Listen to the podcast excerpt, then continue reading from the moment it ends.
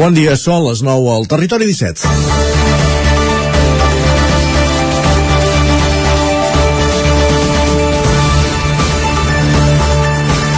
El Tona ja és equip de la tercera federació. El conjunt entrenat per Ricard Ferrés va aconseguir dissabte un ascens històric després de guanyar el Sabadell Nord per 4-1, la qual cosa li garantia l'ascens matemàtic.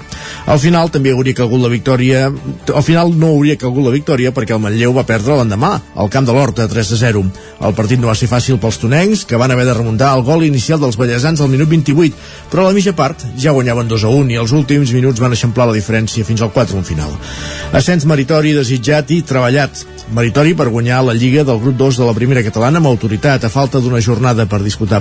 Desitjat, després de la sotregada que va suposar perdre l'ascens la temporada passada en un final inexplicable al camp de la Guinaueta.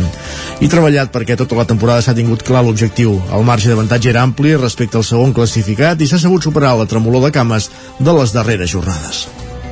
Històric també, perquè el Tona mai havia estat tan amunt. A l'antiga tercera hi havien vist derbis entre el Vic i el Manlleu, però mai el Tona. El club, amb Joaquim Carandell al capdavant, té les eines per consolidar el projecte esportiu. Ara cal esperar que l'Esport Club Granollers mantingui la categoria per gaudir la temporada vinent del nou derbi del territori 17 entre granollerins i tonencs. Aquest diumenge van complir, van superar el Girona B per 1-2, amb un gol al temps de descompte, i mantenen l'esperança una setmana més. Seguirem aquest desenllaç en les properes jornades. Mentrestant, avui dilluns 25 d'abril, amb la ressaca d'un Sant Jordi passar per aigua, comença el Territori 17 a la sintonia de Ràdio Cardedeu, Ona Codinenca, la veu de Sant Joan, Ràdio Vic, el 9 FM i el 9 TV. Territori 17, amb Isaac Moreno i Jordi Sunyer.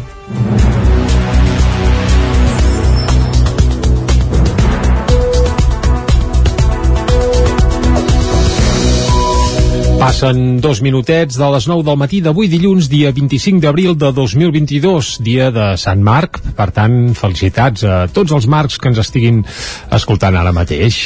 Marques no, que oi? Mm, no en conec gaires, eh? Bé, sí, però que s'ho diguin no. És a dir, hi haurien altres marques. Bé, això, Va, dia de Sant Marc. Va, dissabte era Sant Jordi i d'aquí quatre dies a Santa Montserrat, també. Aquest final d'abril de, Sant Joan de. Exacte, vinga, vinga. Va, ens hi posem de seguida i el que farem, com sempre, durant la primera hora aquí a Territori 17 és acostar-vos, com fem sempre, tota l'actualitat de les nostres comarques. A les 10 actualitzarem el butlletí informatiu i tot seguit a l'entrevista, encara amb ressaca de Sant Jordi, parlarem de llibres, oi, Isaac? Sí, parlarem amb un autor que signava llibres diumenge a Barcelona, el torellonenc Gerard López, periodista i autor de Treu la galleda, el català s'enfonsa, però tu el pots salvar.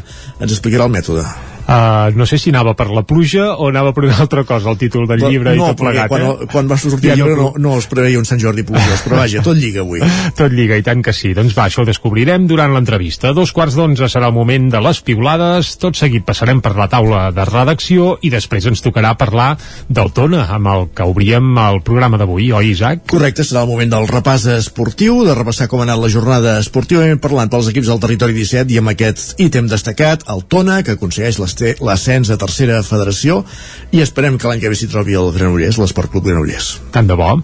A les 11 tocades potser el que farem és doncs de nou actualitzar el butlletí informatiu i tot seguit arribarà als solidaris. Amb l'Adrià Oliveres, des de Ràdio Vic i avui per parlar de la Fundació Projecte i Vida.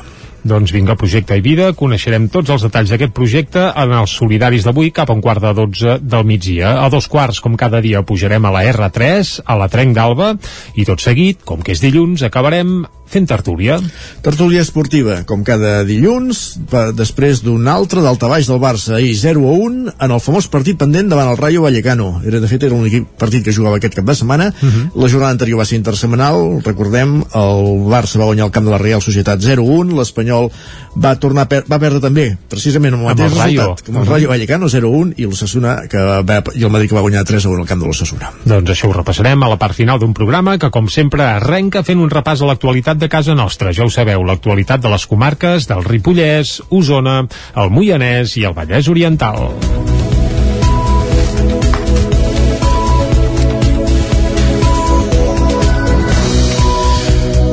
Fa dos anys el confinament va obligar a suspendre Sant Jordi. L'any passat la diada encara va estar marcada per la pandèmia i aquest any finalment s'ha viscut un Sant Jordi en plena normalitat. Això sí, la celebració es va veure igualida per la presència d'uns ruixats que no van impedir que els llibres i les roses tornessin a ser els protagonistes d'una jornada que a Osona es va acostar a les xifres prepandèmiques. Amb el permís de la pluja, els actes de Sant Jordi van tornar a ser els habituals d'abans de la Covid i els llibres i les roses van tornar a ser protagonistes. Sense distàncies ni mascaretes, la plaça Major de Vic, per exemple, va tornar a lluir la icònica imatge amb llibres i flors sota les voltes, al matí convivint amb el mercat dels dissabtes. A la resta d'Osona, les roses i llibres també van inundar, i amb la pluja mai tan ben dit, les places.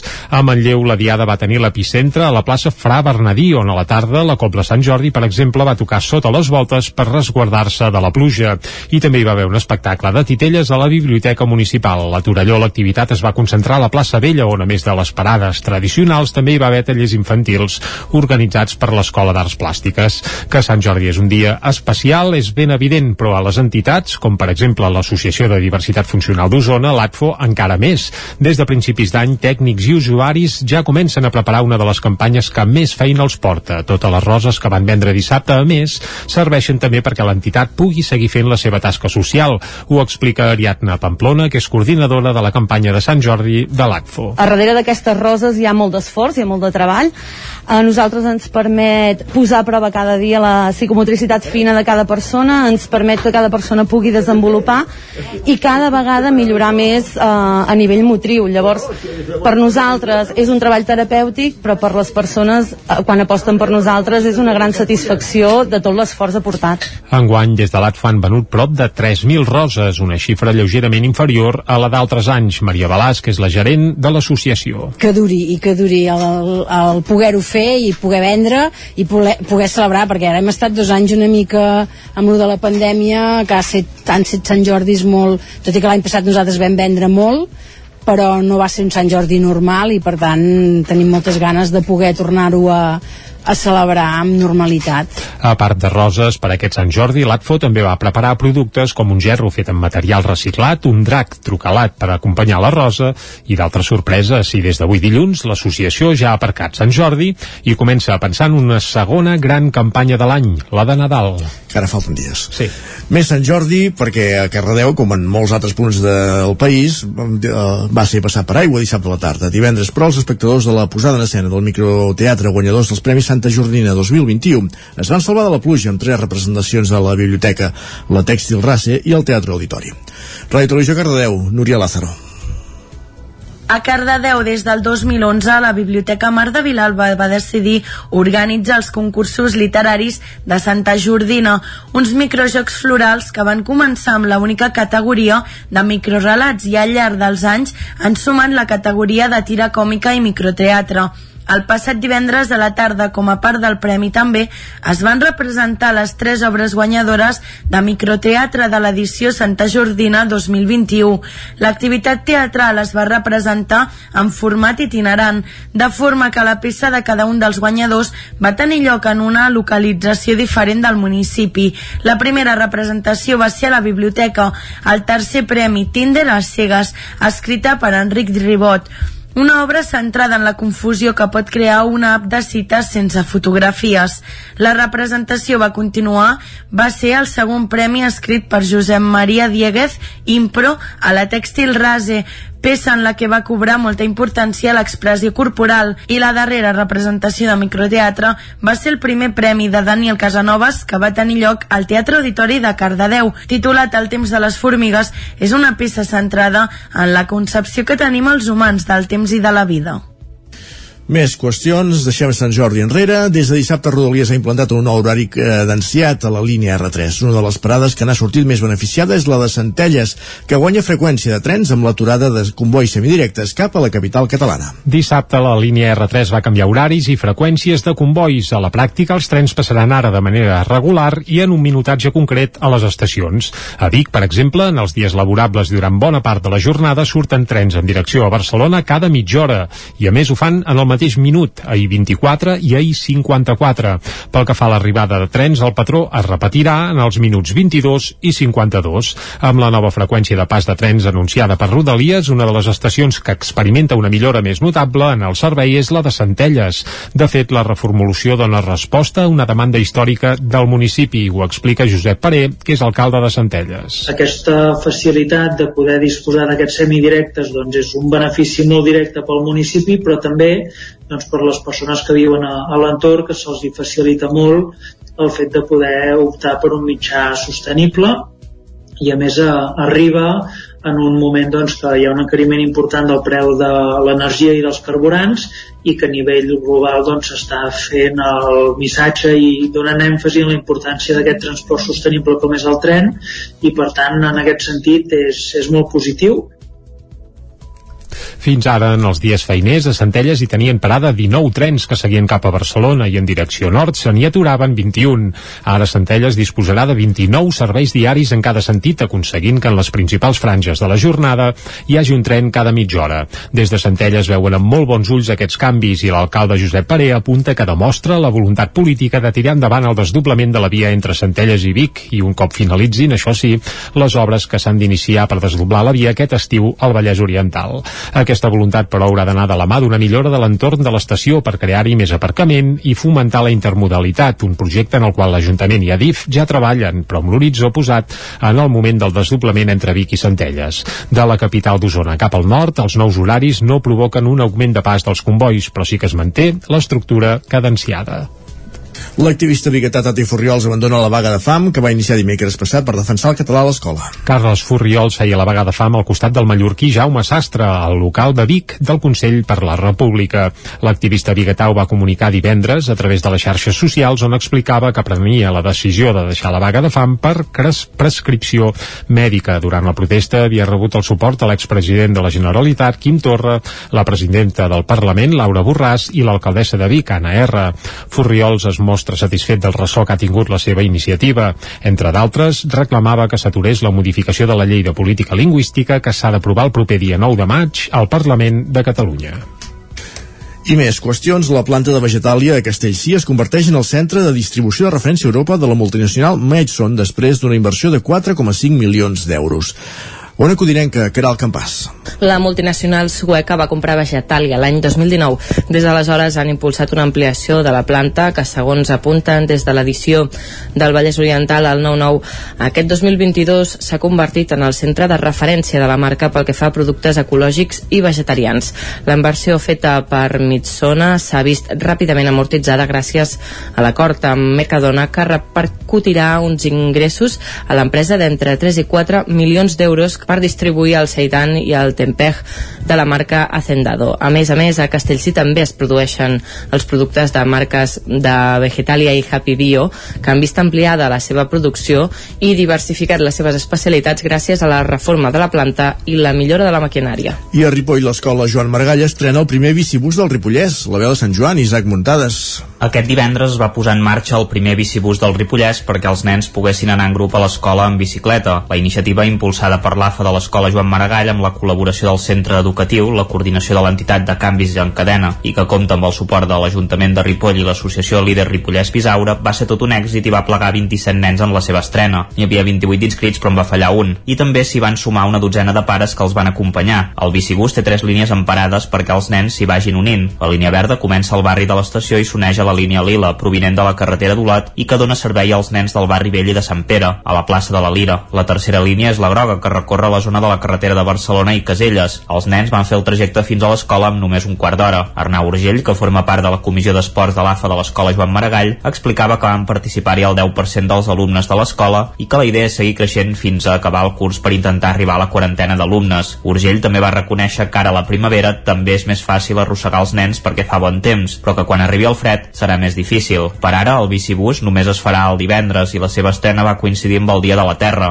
En principi no hi ha una edat mínima per anar amb el bicibús, però és més probable que vinguin a partir dels 5 anys. Divendres van venir nens des de P5 fins a 5è de primària. També es recomana que vinguin acompanyats fins a primer o segon de primària. Urgell apuntava que amb petites millores el bicibús millorarà encara més. D'infraestructura pel bicibús no ens cal res, al final som persones que circulem pel carrer i que compleixen les normes de circulació i que per tant l'únic que cal és que nosaltres les complim i que els altres vehicles, en aquest cas motoritzats, les respectin. Sí que evidentment Ripoll no és un poble on la mobilitat en bicicleta de laboral i escolar sigui molt habitual i per tant la bici es fa servir molt per cap de setmana, fins i tot els pocs carrils bicis que hi han són més pensats en clau turística que en clau d'això. Segurament caldrien coses petites. Avui mateix per travessar el cap és un lloc on hem hagut de baixar de les bicis perquè és un pas d'ebre i no es pot circular amb la bicicleta. Mm, segurament petites actuacions en llocs claus serien perfectes i sobretot que els veïns s'acostumin a que molts dies a la setmana doncs, hi ha molts nens i, i molta gent que se'n va a l'escola, que se'n va a treballar en bicicleta i això. Urgell esperava que s'hi vagin sumant altres centres escolars de la comarca. Per ara ja n'hi hauria algun de Ripoll que s'hi hauria interessat. El bicibús de l'escola Joan Maragall per participar-hi només cal inscriure els infants a l'aplicació, autoritzar l'activitat i marcar la parada on se'ls haurà de recollir. Eduard Foc, de l'entitat Canvis en Cadena, va recordar que la iniciativa va néixer a Vic el 2020 i només dos anys més tard s'ha estès com una taca d'oli per tot Catalunya i fins i tot en alguns llocs del País Valencià. Ara hi participen una seixantena d'escoles i una setantena de línies de bicibús. Així n'explicava l'objectiu. El nostre objectiu és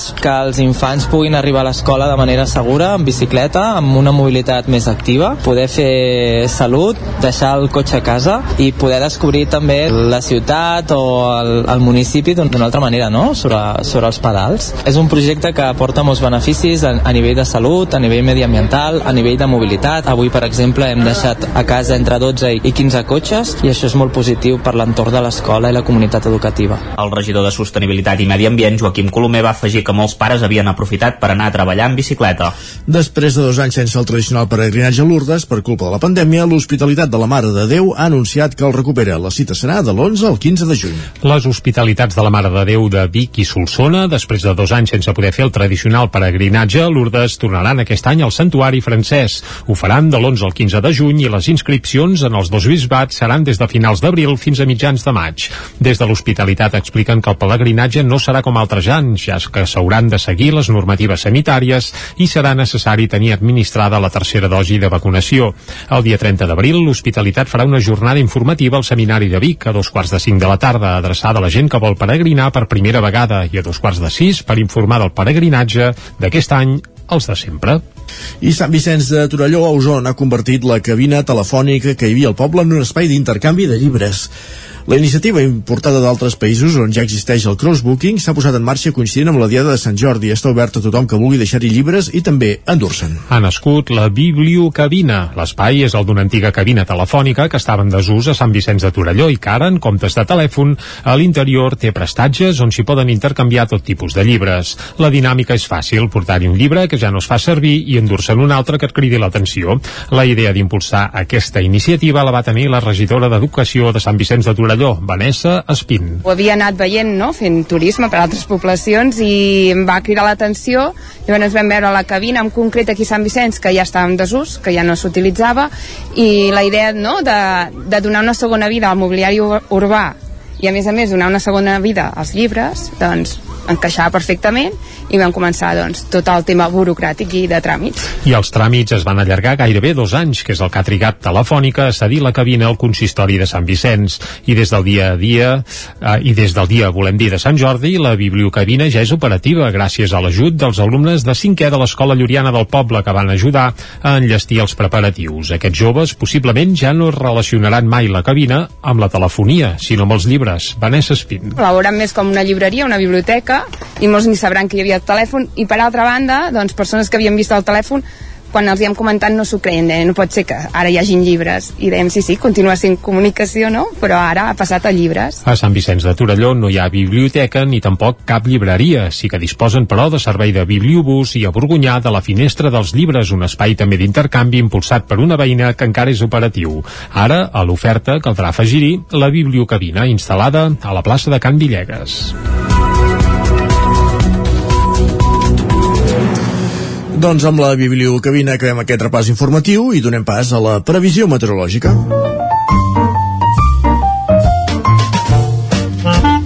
Casa Terradellos us ofereix el temps. Que ens la porta, com sempre, en Pep Acosta. Aquí ja saludem. Bon dia, Pep. Hola, benvinguts a l'Espai del Temps. Gràcies.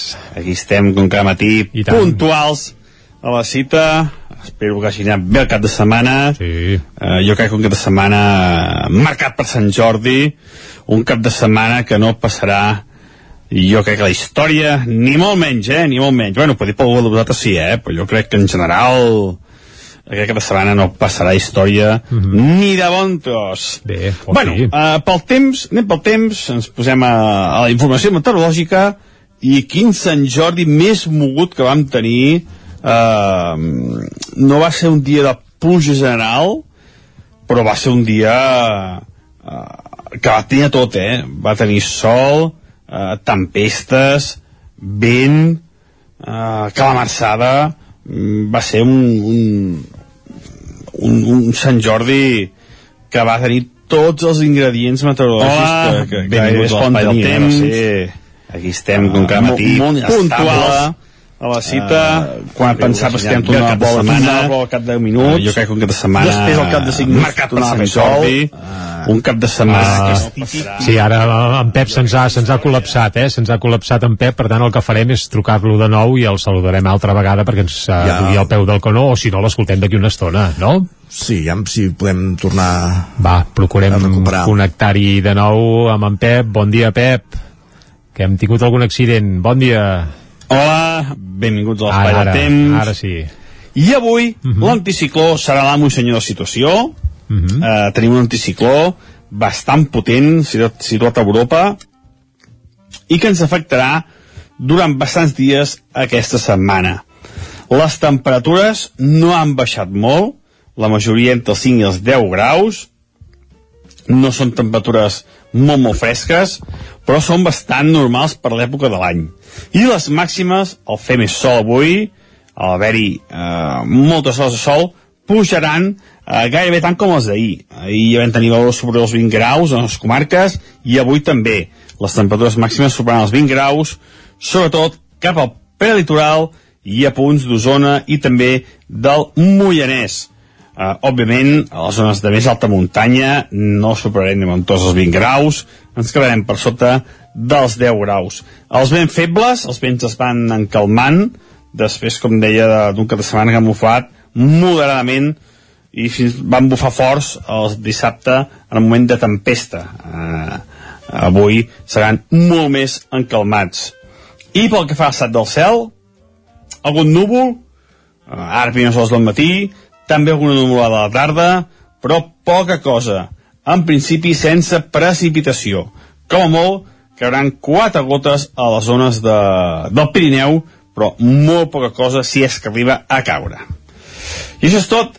A disfrutar el dia d'avui, a disfrutar aquest temps tranquil que tindrem, gairebé tota la setmana, i aviam si hi ha alguna novetat, poder dimecres o dijous, sí que alguna novetat podríem tenir amb alguna petita tempesta, però molt poca cosa. Moltes gràcies, adeu. Vinga, que vagi molt bé, Pep, ara sí, salut, i amb aquest bon temps que ens augures de cara a tota aquesta setmana anirem cap al quiosc. Casa Tarradellas us ha ofert aquest espai. Doncs això, moment de conèixer les portades dels diaris d'avui i com a bon dilluns comencem per les portades del 9-9. Correcte, i ho farem pel 9-9 d'Osona i el Ripollès cobra parlant del Tona. El Tona aconsegueix l'històric i esperat ascens de tercera. La victòria contra el Sabadell Nord, 4-1, els fa campions de Lliga i els permet pujar de categoria. A la fotografia es veuen els jugadors i els aficionats, doncs bé, celebrant-ho, eufòrics, amb serpentines, i la foto és espectacular perquè de fons s'hi endevina el castell de Tona, per tant, tot lliga. Uh, més coses, prop d'un miler de persones a la mega estelada pels 10 anys de l'ANC a Vic, un acte que es va fer ahir diumenge a la tarda i Trobo, també trobo agosarat dir-ne mega, però vaja, en fi. Bé, continuem. uh, ocupava mitja plaça, no? Uh, més coses. Dues víctimes mortals en un xoc frontal entre dos cotxes a la carretera de Mollà a Calders i un Sant Jordi passat per aigua. Això apareix a la portada del 9-9 d'Osona i el Ripollès. Anem cap a la del Vallès Oriental. Titular principal. 23 negocis nous s'han instal·lat a l'illa de Vianants de Granollers el darrer any. 17 dels nous establiments ocupen locals que estaven tancats. Això apareix il·lustrat amb una fotografia dia on es veu ben bé que de carrer ja no en queda res, ara és una illa de vianants pacificada al trànsit eh, aquest nou espai de Granollers. També Sant Jordi també pot vèncer el mal temps i és que el Vallès evidentment també va ploure però això no va aturar ni la venda de llibres ni la de roses. El gran dels Espargaró fa podi i és tercer a la general de MotoGP, ahir va haver gran premi de motos i també una dona de Castellterçol i un jove de Collsospina moren en un xoc a Mollà, el mateix xoc que ja apareixia a la portada del 9-9 d'Osona i el Ripollès. Anem ara a fer un cop d'ull a la premsa d'àmbit nacional, a Isaac, i comencem com fem sempre per l'ara, i a la premsa d'àmbit nacional, bé, centren molt la mirada amb les eleccions que hi va haver ahir a l'estat veí de França, eh? I a l'ara apunten Macron guanya, Europa respira, i es veu Macron relativament feliç, però bé, la seva victòria tampoc va ser per escombrada, eh? Al punt avui, Macron guanya el duel i manté la Lisi. La informació principal, però, no és per Macron, sinó que és un altre títol, la taranyina de Pegasus, anàlisi de la xarxa d'espionatge a personalitats en l'àmbit independentista, és a dir, el titular principal va per aquí, tot i que la fotografia és per Macron, eh?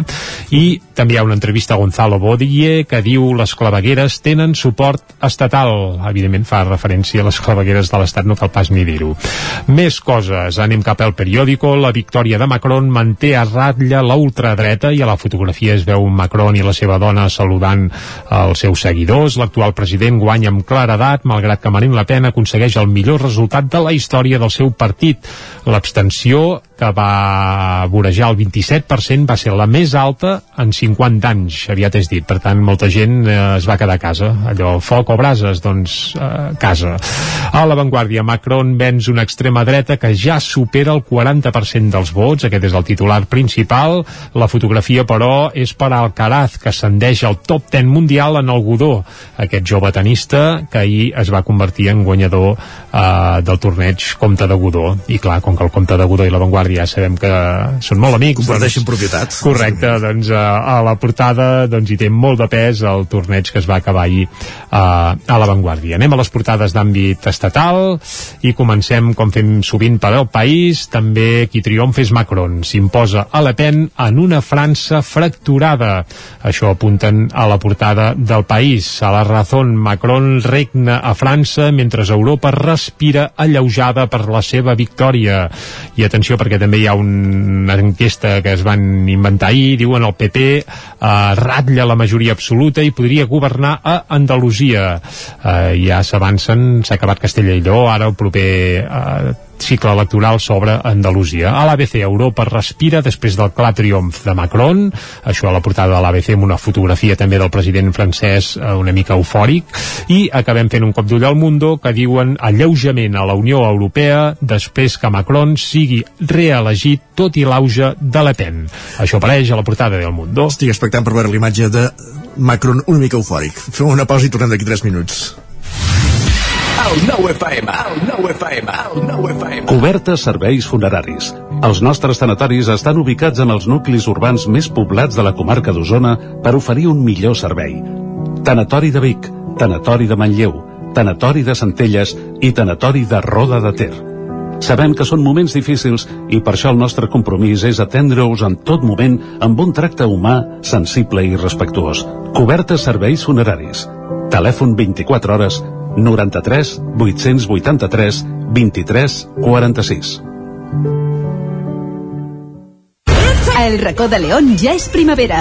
Gaudeix de la nostra terrassa. Vine a tastar les xuletilles de lechal a la brasa amb una bona amanida o el xuletón de vedella gallega. No et pots perdre el nostre lechado de Castilla al forn o el cochinillo a l'estil de Segovia. Tot acompanyat del millor celler, al menjador o fora la terrassa.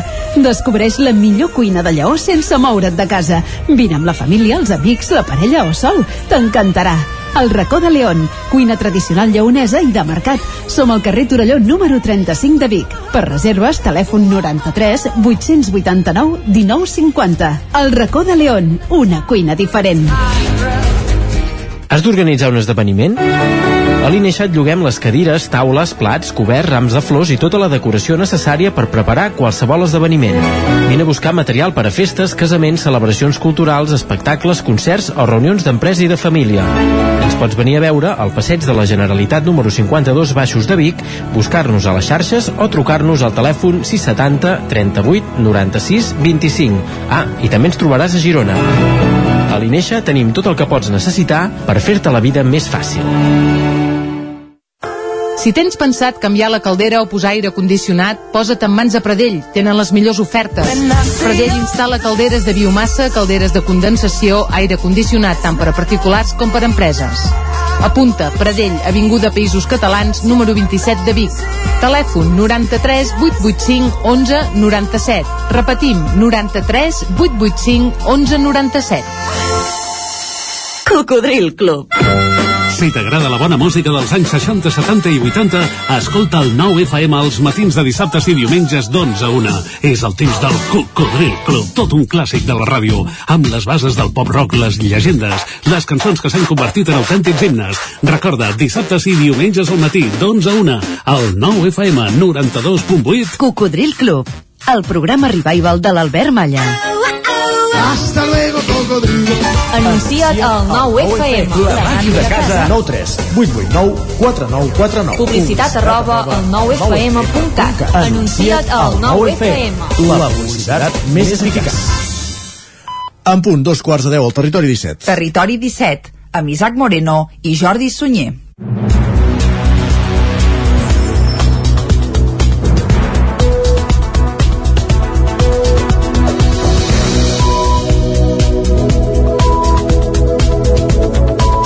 Doncs dos quarts de deu en punt d'avui dilluns, dia 25 d'abril de 2022 i amb un sol esplendorós, no pas com dissabte, que va ser un hi havia Sant Jordi que, passat per hi aigua. havia estones que sí que feia sol Ah, dissabte. també, també, no és que feia de tot, eh? El gran ruixat, sortia el sol, dius, oi, ja està, ja ho tenim superat, i al I- cap d'una hora i- ja hi tornava. Exacte. Sí, va ser un dia ben curiós i ben variat i ben de primavera, ja ens ho ha dit en Pep Acosta.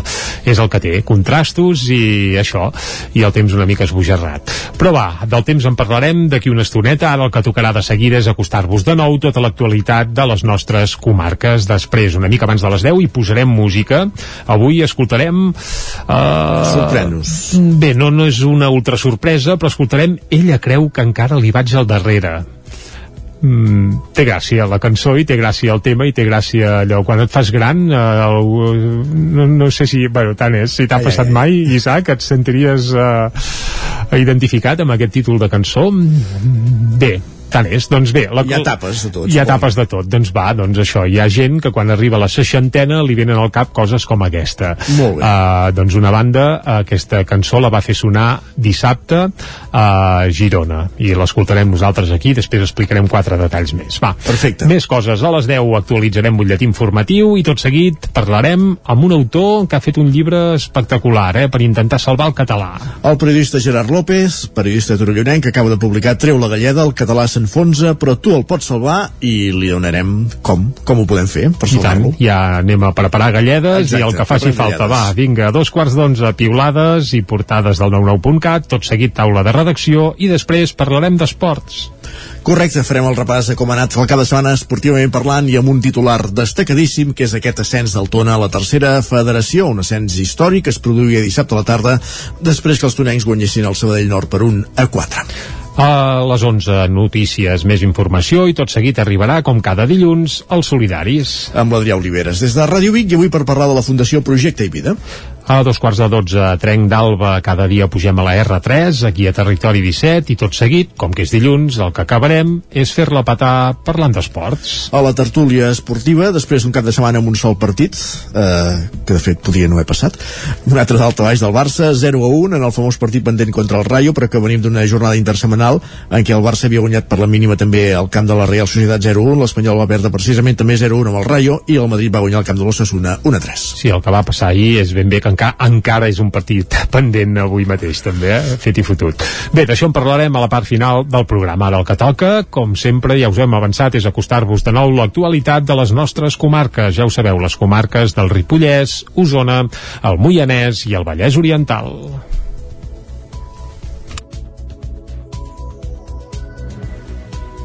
Uns anys el confinament va obligar a suspendre Sant Jordi. L'any passat la diada encara va estar marcada per la pandèmia i aquest any finalment s'ha viscut un Sant Jordi en plena normalitat. Això sí, la celebració es va veure igualida per la presència d'uns ruixats que no van impedir que els llibres i les roses tornessin a ser els protagonistes d'una jornada que a Osona es va acostar a les xifres prepandèmiques. Amb el permís de la pluja, els actes de Sant Jordi van tornar a ser els habituals d'abans de la Covid i els llibres i les roses van tornar a ser protagonistes. Sense distàncies ni mascaretes, la plaça Major de Vic, per exemple, va tornar a lluir la icònica imatge amb llibres i flors sota les voltes, al matí, convivint amb el mercat dels dissabtes. A la resta d'Osona, les roses i llibres també van inundar, i amb la pluja mai tan ben dit, les places. A Manlleu, la diada va tenir l'epicentre a la plaça Fra Bernadí, on a la tarda la Cobla Sant Jordi, per exemple, va tocar sota les voltes per resguardar-se de la pluja. I també hi va haver un espectacle de titelles a la Biblioteca Municipal. A Torelló l'activitat es va concentrar a la plaça Vella, on a més de les parades tradicionals també hi va haver tallers infantils organitzats per l'Escola d'Arts públiques. Que Sant Jordi és un dia especial és ben evident, però a les entitats, com per exemple l'Associació de Diversitat Funcional d'Osona, l'ATFO, encara més. Des de principis d'any, tècnics i usuaris ja comencen a preparar una de les campanyes que més feina els porta. Totes les roses que van vendre dissabte, a més, serveixen també perquè l'entitat pugui seguir fent la seva tasca social. Ho explica Ariadna Pamplona, que és coordinadora de la campanya de Sant Jordi de l'ATFO. A darrere d'aquestes roses hi ha molt d'esforç, hi ha molt de treball. A nosaltres ens permet posar a prova cada dia la psicomotricitat fina de cada persona, ens permet que cada persona pugui desenvolupar i cada vegada millorar més eh, a nivell motriu. Llavors, per nosaltres és un treball terapèutic, però per les persones, eh, quan aposten per nosaltres, és una gran satisfacció de tot l'esforç aportat. Enguany, des de l'ATFA han venut prop de 3.000 roses, una xifra lleugerament inferior a la d'altres anys. Maria Balàs, que és la gerent de l'associació. Que duri, i que duri el, el poder-ho fer i poder vendre i poder, poder celebrar, perquè ara hem estat dos anys una mica amb lo de la pandèmia, que ha set, han set Sant Jordis molt, tot i que l'any passat nosaltres vam vendre molt, però no va ser un Sant Jordi normal i per tant tenim moltes ganes de poder tornar-ho a, a celebrar amb normalitat. A part de roses, per aquest Sant Jordi, l'ATFO també va preparar productes com un gerro fet amb material reciclat, un drac trucalat per acompanyar la rosa i d'altres sorpreses. I des d'avui dilluns, l'associació ja ha aparcat Sant Jordi i comença a pensar en una segona gran campanya de l'any, la de Nadal. Que ara falten dies. Sí. Més Sant Jordi, perquè a Cardedeu, com en molts altres punts del país, eh, va ser passat per aigua dissabte a la tarda. Divendres, però, els espectadors de la posada en escena del microteatre guanyadors dels Premis Santa Jordina 2021 es van salvar de la pluja amb tres representacions a la biblioteca, la Tèxtil Race i el Teatre Auditori. Ràdio Televisió Cardedeu, Núria Lázaro. A Cardedeu, des del 2011, la Biblioteca Mar de Vilalba va decidir organitzar els concursos literaris de Santa Jordina, uns microjocs florals que van començar amb la única categoria de microrelats i al llarg dels anys han sumat la categoria de tira còmica i microteatre. El passat divendres a la tarda, com a part del premi també, es van representar les tres obres guanyadores de microteatre de l'edició Santa Jordina 2021. L'activitat teatral es va representar en format itinerant, de forma que la peça de cada un dels guanyadors va tenir lloc en una localització diferent del municipi. La primera representació va ser a la biblioteca, el tercer premi Tinder a cegues, escrita per Enric Ribot. Una obra centrada en la confusió que pot crear una app de cites sense fotografies. La representació va continuar, va ser el segon premi escrit per Josep Maria Dieguez, Impro, a la Tèxtil Rase, peça en la que va cobrar molta importància l'expressió corporal, i la darrera representació de microteatre va ser el primer premi de Daniel Casanovas que va tenir lloc al Teatre Auditori de Cardedeu, titulat El temps de les formigues, és una peça centrada en la concepció que tenim els humans del temps temps i de la vida. Més qüestions, deixem Sant Jordi enrere. Des de dissabte Rodalies ha implantat un nou horari cadenciat a la línia R3. Una de les parades que n'ha sortit més beneficiada és la de Centelles, que guanya freqüència de trens amb l'aturada de convois semidirectes cap a la capital catalana. Dissabte la línia R3 va canviar horaris i freqüències de convois. A la pràctica els trens passaran ara de manera regular i en un minutatge concret a les estacions. A Vic, per exemple, en els dies laborables durant bona part de la jornada surten trens en direcció a Barcelona cada mitja hora i a més ho fan en el mateix minut, a I-24 i a I-54. Pel que fa a l'arribada de trens, el patró es repetirà en els minuts 22 i 52. Amb la nova freqüència de pas de trens anunciada per Rodalies, una de les estacions que experimenta una millora més notable en el servei és la de Centelles. De fet, la reformulació dona resposta a una demanda històrica del municipi, ho explica Josep Paré, que és alcalde de Centelles. Aquesta facilitat de poder disposar d'aquests semidirectes doncs és un benefici molt directe pel municipi, però també doncs, per les persones que viuen a, a l'entorn, que se'ls hi facilita molt el fet de poder optar per un mitjà sostenible. I a més a, arriba en un moment doncs, que hi ha un encariment important del preu de l'energia i dels carburants i que a nivell global doncs, s'està doncs, fent el missatge i donant èmfasi en la importància d'aquest transport sostenible com és el tren. I per tant en aquest sentit és, és molt positiu fins ara, en els dies feiners, a Centelles hi tenien parada 19 trens que seguien cap a Barcelona i en direcció nord se n'hi aturaven 21. Ara Centelles disposarà de 29 serveis diaris en cada sentit, aconseguint que en les principals franges de la jornada hi hagi un tren cada mitja hora. Des de Centelles veuen amb molt bons ulls aquests canvis i l'alcalde Josep Paré apunta que demostra la voluntat política de tirar endavant el desdoblament de la via entre Centelles i Vic i un cop finalitzin, això sí, les obres que s'han d'iniciar per desdoblar la via aquest estiu al Vallès Oriental. Aquest aquesta voluntat, però, haurà d'anar de la mà d'una millora de l'entorn de l'estació per crear-hi més aparcament i fomentar la intermodalitat, un projecte en el qual l'Ajuntament i Adif ja treballen, però amb l'horitzó posat en el moment del desdoblament entre Vic i Centelles. De la capital d'Osona cap al nord, els nous horaris no provoquen un augment de pas dels convois, però sí que es manté l'estructura cadenciada. L'activista biguetà Tati Furriols abandona la vaga de fam que va iniciar dimecres passat per defensar el català a l'escola. Carles Furriols feia la vaga de fam al costat del mallorquí Jaume Sastre, al local de Vic del Consell per la República. L'activista biguetà ho va comunicar divendres a través de les xarxes socials on explicava que prenia la decisió de deixar la vaga de fam per prescripció mèdica. Durant la protesta havia rebut el suport de l'expresident de la Generalitat, Quim Torra, la presidenta del Parlament, Laura Borràs, i l'alcaldessa de Vic, Anna R. Furriols es mostra satisfet del ressò que ha tingut la seva iniciativa. Entre d'altres, reclamava que s'aturés la modificació de la llei de política lingüística que s'ha d'aprovar el proper dia 9 de maig al Parlament de Catalunya. I més qüestions, la planta de Vegetàlia a Castellcí es converteix en el centre de distribució de referència a Europa de la multinacional Madson després d'una inversió de 4,5 milions d'euros. On acudirem que Caral Campàs? La multinacional sueca va comprar Vegetàlia l'any 2019. Des d'aleshores han impulsat una ampliació de la planta que, segons apunten des de l'edició del Vallès Oriental al 9-9, aquest 2022 s'ha convertit en el centre de referència de la marca pel que fa a productes ecològics i vegetarians.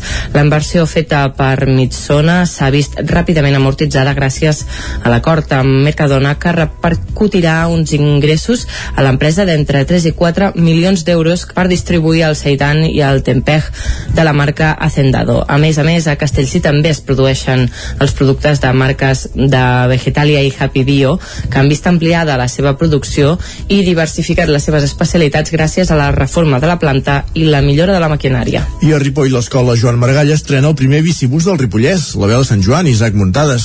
Aquest divendres va posar en marxa el primer bicibús del Ripollès perquè els nens poguessin anar en grup a l'escola en bicicleta. La iniciativa impulsada per l'AFA de l'escola Joan Maragall amb la col·laboració del centre educatiu, la coordinació de l'entitat de canvis en cadena i que compta amb el suport de l'Ajuntament de Ripoll i l'associació Líder Ripollès Pisaura, va ser tot un èxit i va plegar 27 nens en la seva estrena. Hi havia 28 inscrits però en va fallar un. I també s'hi van sumar una dotzena de pares que els van acompanyar. El bicibús té tres línies emparades perquè els nens s'hi vagin unint. La línia verda comença al barri de l'estació i s'uneix a la línia lila, provinent de la carretera d'Olot i que dona servei als nens del barri vell i de Sant Pere, a la plaça de la Lira. La tercera línia és la groga, que recorre la zona de la carretera de Barcelona i Caselles. Els nens van fer el trajecte fins a l'escola amb només un quart d'hora. Arnau Urgell, que forma part de la comissió d'esports de l'AFA de l'escola Joan Maragall, explicava que van participar-hi el 10% dels alumnes de l'escola i que la idea és seguir creixent fins a acabar el curs per intentar arribar a la quarantena d'alumnes. Urgell també va reconèixer que ara a la primavera també és més fàcil arrossegar els nens perquè fa bon temps, però que quan arribi el fred serà més difícil. Per ara, el bicibús només es farà el divendres i la seva estrena va coincidir amb el Dia de la Terra.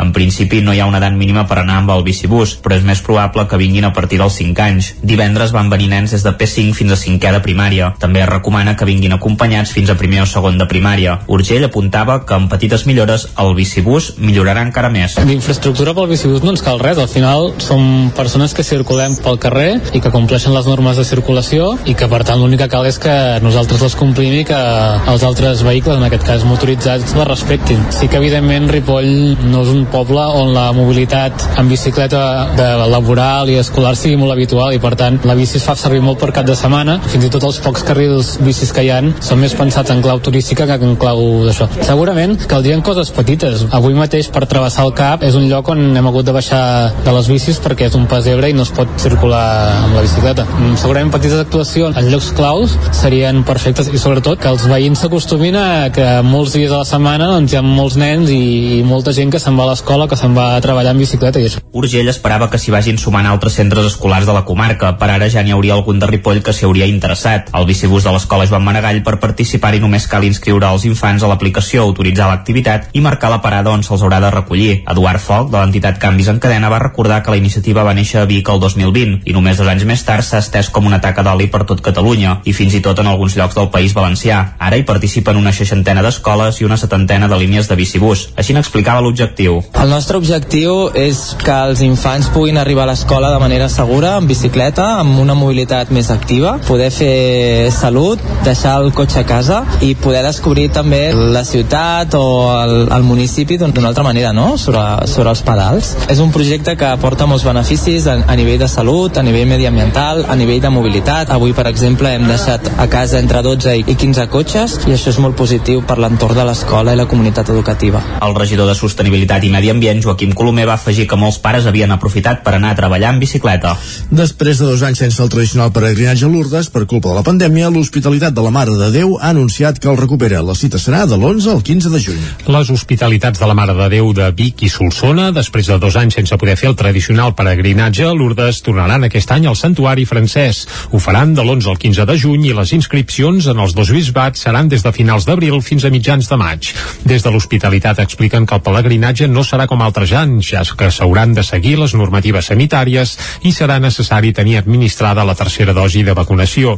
El dia 30 d'abril, l'hospitalitat farà una jornada informativa al Seminari de Vic a dos quarts de cinc de la tarda, adreçada a la gent que vol peregrinar per primera vegada i a dos quarts de sis per informar del peregrinatge d'aquest any els de sempre.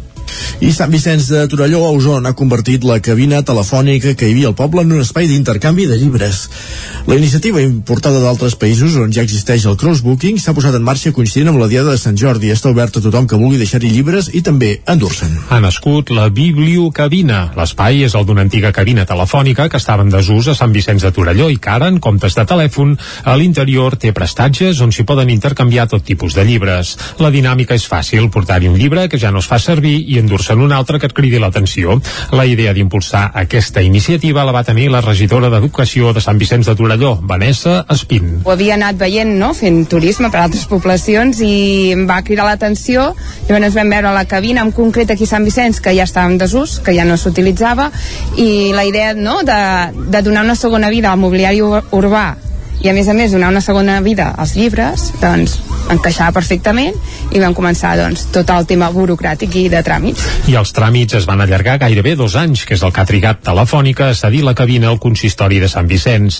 I des del dia a dia, eh, i des del dia, volem dir, de Sant Jordi, la bibliocabina ja és operativa gràcies a l'ajut dels alumnes de 5è de l'Escola Lloriana del Poble que van ajudar a enllestir els preparatius. Aquests joves possiblement ja no relacionaran mai la cabina amb la telefonia, sinó amb els llibres.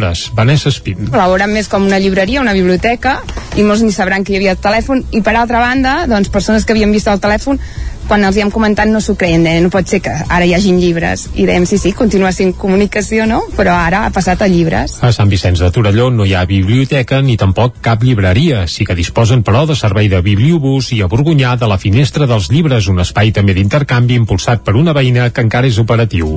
Ara, a l'oferta, caldrà afegir-hi la bibliocabina instal·lada a la plaça de Can Villegas. Doncs amb la bibliocabina acabem aquest repàs informatiu i donem pas a la previsió meteorològica.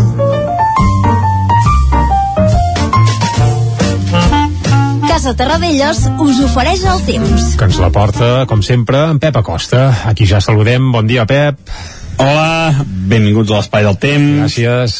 Aquí estem, com cada matí, tant. puntuals a la cita. I avui, uh -huh. l'anticicló serà l'amo i senyor de la situació. Uh -huh. uh, tenim un anticicló bastant potent, situat, situat a Europa, i que ens afectarà durant bastants dies aquesta setmana.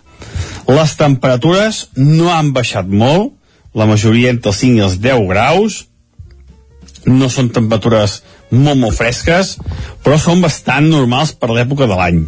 I les màximes, al fer més sol avui, al haver-hi eh, moltes hores de sol, pujaran eh, gairebé tant com els d'ahir. Ahir ja vam tenir valors sobre els 20 graus en les comarques i avui també.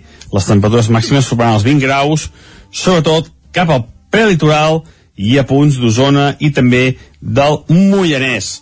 Uh, òbviament, a les zones de més alta muntanya no superarem en tots els 20 graus, ens quedarem per sota dels 10 graus.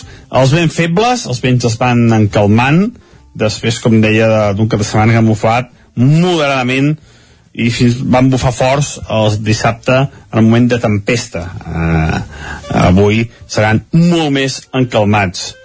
I pel que fa a l'estat del cel, algun núvol, uh, ara primeres hores del matí, també alguna nuvolada a la tarda, però poca cosa. En principi sense precipitació. Com a molt, cauran quatre gotes a les zones de, del Pirineu, però molt poca cosa si és que arriba a caure. I això és tot. A disfrutar el dia d'avui, a disfrutar aquest temps tranquil que tindrem, gairebé tota la setmana, i aviam si hi ha alguna novetat, poder dimecres o dijous, sí que alguna novetat podríem tenir amb alguna petita tempesta, però molt poca cosa. Moltes gràcies, adeu. Vinga, que vagi molt bé, Pep, ara sí, salut, i amb aquest bon temps que ens augures de cara a tota aquesta setmana anirem cap al quiosc. Casa Tarradellas us ha ofert aquest espai. Doncs això, moment de conèixer les portades dels diaris d'avui i com a bon dilluns comencem per les portades del 9-9. Correcte, i ho farem pel 9-9 d'Osona i el Ripollès cobra parlant del Tona. El Tona aconsegueix l'històric i esperat ascens de tercera. La victòria contra el Sabadell Nord, 4-1, els fa campions de Lliga i els permet pujar de categoria. La fotografia es veuen els jugadors i els aficionats, doncs bé, celebrant-ho, eufòrics, amb serpentines, i la foto és espectacular perquè de fons s'hi endevina el castell de Tona, per tant, tot lliga. Uh, més coses. Prop d'un miler de persones a la mega estelada pels 10 anys de l'ANC a Vic, un acte que es va fer ahir diumenge a la tarda i trobo, també... Trobo agosarat dir-ne mega, però vaja, en fi. Bé, uh, ocupava mitja plaça, no? Uh, més coses. Dues víctimes mortals en un xoc frontal entre dos cotxes a la carretera de Mollà a Calders i un Sant Jordi passat per aigua. Això apareix a la portada del 9-9 d'Osona i el Ripollès. Anem cap a la del Vallès Oriental. Titular principal. 23 negocis nous s'han instal·lat a l'illa de Vianants de Granollers el darrer any. 17 dels nous establiments ocupen locals que estaven tancats. Això apareix il·lustrat amb una fotografia fotografia on es veu ben bé que de carrer ja no en queda res, ara és una illa de vianants pacificada al trànsit eh, aquest nou espai de Granollers. També Sant Jordi també pot vèncer el mal temps i és que el Vallès evidentment també va ploure però això no va aturar ni la venda de llibres ni la de roses. El gran dels Espargaró fa podi i és tercer a la general del MotoGP, ahir va haver gran premi de motos i també una dona de Castellterçol i un jove de Collsospina moren en un xoc a Mollà, el mateix xoc que ja apareixia a la portada del 9-9 d'Osona i el Ripollès. Anem ara a fer un cop d'ull a la premsa d'àmbit nacional, a Isaac, i comencem com fem sempre per l'ara, i a la premsa d'àmbit nacional, bé, centren molt la mirada amb les eleccions que hi va haver ahir a l'estat veí de França, eh? I a l'ara apunten, Macron guanya, Europa respira, i es veu Macron relativament feliç, però bé, la seva victòria tampoc va ser per escombrada, eh? Al punt avui, Macron guanya el duel i manté la Lisi. La informació principal, però, no és per Macron, sinó que és un altre títol, la taranyina de Pegasus, anàlisi de la xarxa d'espionatge a personalitats en l'àmbit independentista, és a dir, el titular principal va per aquí, tot i que la fotografia és per Macron, eh? I també hi ha una entrevista a Gonzalo Bodie que diu les clavegueres tenen suport estatal. Evidentment fa referència a les clavegueres de l'Estat, no cal pas ni dir-ho. Més coses, anem cap al periòdico, la victòria de Macron manté a ratlla la ultradreta i a la fotografia es veu Macron i la seva dona saludant els seus seguidors. L'actual president guanya amb claredat, malgrat que Marine Le Pen aconsegueix el millor resultat de la història del seu partit. L'abstenció que va vorejar el 27% va ser la més alta en 50 anys, aviat és dit. Per tant, molta gent eh, es va quedar a casa. Allò, foc o brases, doncs eh, casa. A l'avantguàrdia, Macron venç una extrema dreta que ja supera el 40% dels vots. Aquest és el titular principal. La fotografia, però, és per Alcaraz, que ascendeix al top 10 mundial en el Godó. Aquest jove tenista que ahir es va convertir en guanyador eh, del torneig Comte de Godó. I clar, com que el Comte de Godó i l'avantguàrdia ja sabem que són molt amics. Comparteixen doncs, propietat. Correcte, doncs a, a la portada doncs, hi té molt de pes el torneig que es va acabar ahir a, a l'avantguàrdia. Anem a les portades d'àmbit estatal i comencem, com fem sovint per al país, també qui triomfa és Macron. S'imposa a Le Pen en una França fracturada. Això apunten a la portada del país. A la raó, Macron regna a França mentre Europa respira alleujada per la seva victòria. I atenció perquè també hi ha una enquesta que es van inventar ahir, diuen el PP eh, ratlla la majoria absoluta i podria governar a Andalusia. Eh, ja s'avancen, s'ha acabat Castella i Lleó, ara el proper eh, cicle electoral sobre Andalusia. A l'ABC, Europa respira després del clar triomf de Macron, això a la portada de l'ABC amb una fotografia també del president francès eh, una mica eufòric, i acabem fent un cop d'ull al Mundo que diuen alleujament a la Unió Europea després que Macron sigui reelegit tot i l'auge de Le Pen. I ja ho tenim, uh, això que deies, eh? Uh, aviam, uh, eufòric, eufòric, a Le Pen sí que, uh, en teoria sí, però aquell sí però, saps? Aquella alegria, clar, evidentment que ha guanyat, però clar, això tots els pronòstics ja ho auguraven, hagués estat una sorpresa gegantina Home, que s'hagués imposat Le Pen, però sí. clar, el marge és justot i Le Pen ha superat el 40% de, dels sufragis, que és una xifra, bé, històrica i a tenir en compte. Però bé, Uh, d'aquí quatre dies, bé, quatre dies no, un parell de mesos, més eleccions a França perquè ara han triat el president però després han de triar una mica el Parlament per tant, abans de l'estiu uh, segur que tornarem a parlar del que passa al país veí, però ara el que farem és posar-hi música, Isaac, per desengressar una mica tot plegat, i avui ja ho hem avançat abans, escoltarem Ella creu que encara li vaig al darrere dius, de qui és aquesta cançó? Va, de qui és doncs aquesta cançó? Molt fàcil, és de Sau 30 uh, han fet, ja n'hem parlat algun dia aquí a Territori Territori 17 divendres han fet un disc nou, correcte, divendres en van parlar, han tornat després de 24 anys a fer un disc amb cançons noves. I bé, hi ha cançons doncs, ostres, de les que fa 30 anys les haguessin pogut calçar amb un disc doncs eh, una d'elles és aquesta eh, cançó entre cometes adolescent, ella creu que encara li vaig al darrere, però això amb 60 anys es veu que es pot cantar igual i en Pep Sala ho defensa amb una lletra una mica així també amb foteta, perquè ens hem d'enganyar eh? i cal dir que Sau 30 ha estrenat estrenat aquest nou disc dissabte, ho va fer el Festival Estrenes de Girona, amb un concert pel qual ja feia dies que no quedaven entrades, per tant van triomfar en tots els sentits, i la seva gira de presentació segueix aquest dijous al Palau de la Música Catalana, on també presentaran el nou disc. Cal dir que del nou disc eh, deixen, fan 5 o 6 cançons i la resta és repertori clàssic, eh? per tant que ningú s'espanti, si els va veure escoltarà tots els clàssics del segle passat d'aquesta mítica banda, això sí, amenitzats amb alguna de les novetats novetats d'aquest disc que van donar a conèixer a principis d'aquest any. I ara nosaltres el que farem és escoltar precisament Ella creu que li vaig al darrere i explicar que els Sau 30 no han fet el que fa avui dia tots els grups, que treuen un disc i el pengen a les xarxes i ja està i tothom l'engoleix com vol és a dir, ells van treure el disc físic i eh, els singles només els treien, els penjaven a les xarxes eh, quan hi havia un videoclip. Això sí, després de mica en mica com que cada cançó també va acompanyada en el disc físic d'una il·lustració o una obra d'art del Domènec Batalla, un artista ripollès doncs cada X temps, cada 15 dies, 3 setmanes han anat penjant eh, cada una de les noves cançons amb la il·lustració eh, corresponent del Domènec Batalla i bé, i sembla que d'aquí 15 dies doncs sí que finalment estaran totes penjades a les plataformes, per tant qui no vulgui adquirir el disc físic i es quedi amb el convenció, bé, amb, amb, amb el, el digital. mètode digital doncs eh, d'aquí uns pocs dies també ho podrà tenir complet. L'última que s'ha penjat precisament és aquesta, eh? Ella creu que encara li vaig al darrere, amb això arribarem fins al punt de les 10 aquí a Territori 17. que tot s'ha acabat Ella creu que encara en ella Ella no vol veure que el temps ja ha passat.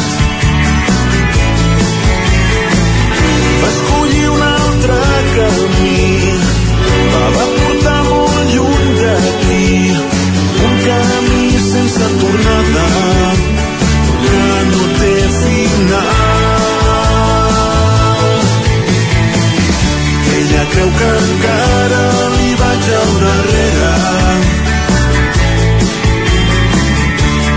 no vol veure que ja l'he oblidat.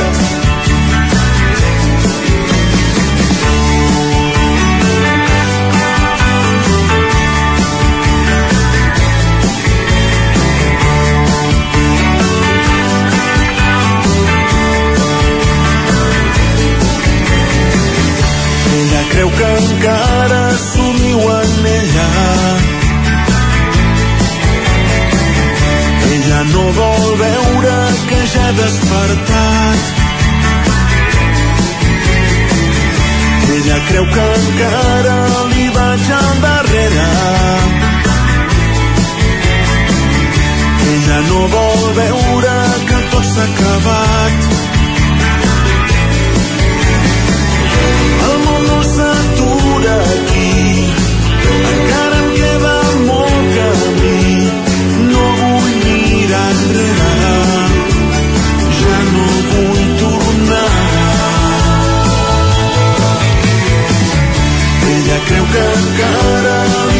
li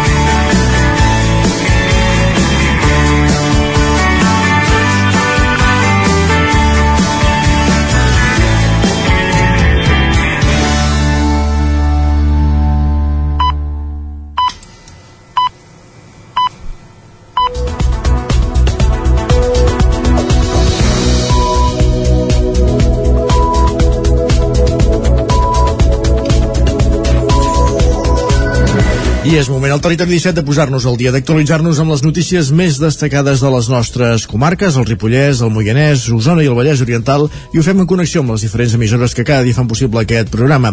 Ràdio Cardedeu, Ona Codinenca, la veu de Sant Joan, Ràdio Vic, el 9 FM i el 9 TV. Per explicar-vos que el dia de Sant Jordi el Moianès es va haver de lamentar la mort de dues persones a causa d'un accident a la carretera a pocs quilòmetres de Moià. Ona Codinenca, Caral Campàs. El xoc frontal va passar a la carretera que uneix Moià i Artés, a poca distància de la capital del Moianès. Va ser a dos quarts de dotze del migdia, el dia de Sant Jordi, per causes que encara s'estan investigant. Van morir dos dels ocupants d'un dels vehicles i una altra persona va quedar ferida molt greu. Del segon vehicle, una persona va resultar ferida lleu. L'accident va obligar a activar cinc patrulles dels Mossos d'Esquadra, tres dotacions dels bombers de la Generalitat i tres ambulàncies i l'helicòpter medicalitzat del sistema d'emergències mèdiques mèdiques. Amb aquestes ja són 47 les persones que han mort en accidents de trànsit a les carreteres catalanes aquest any.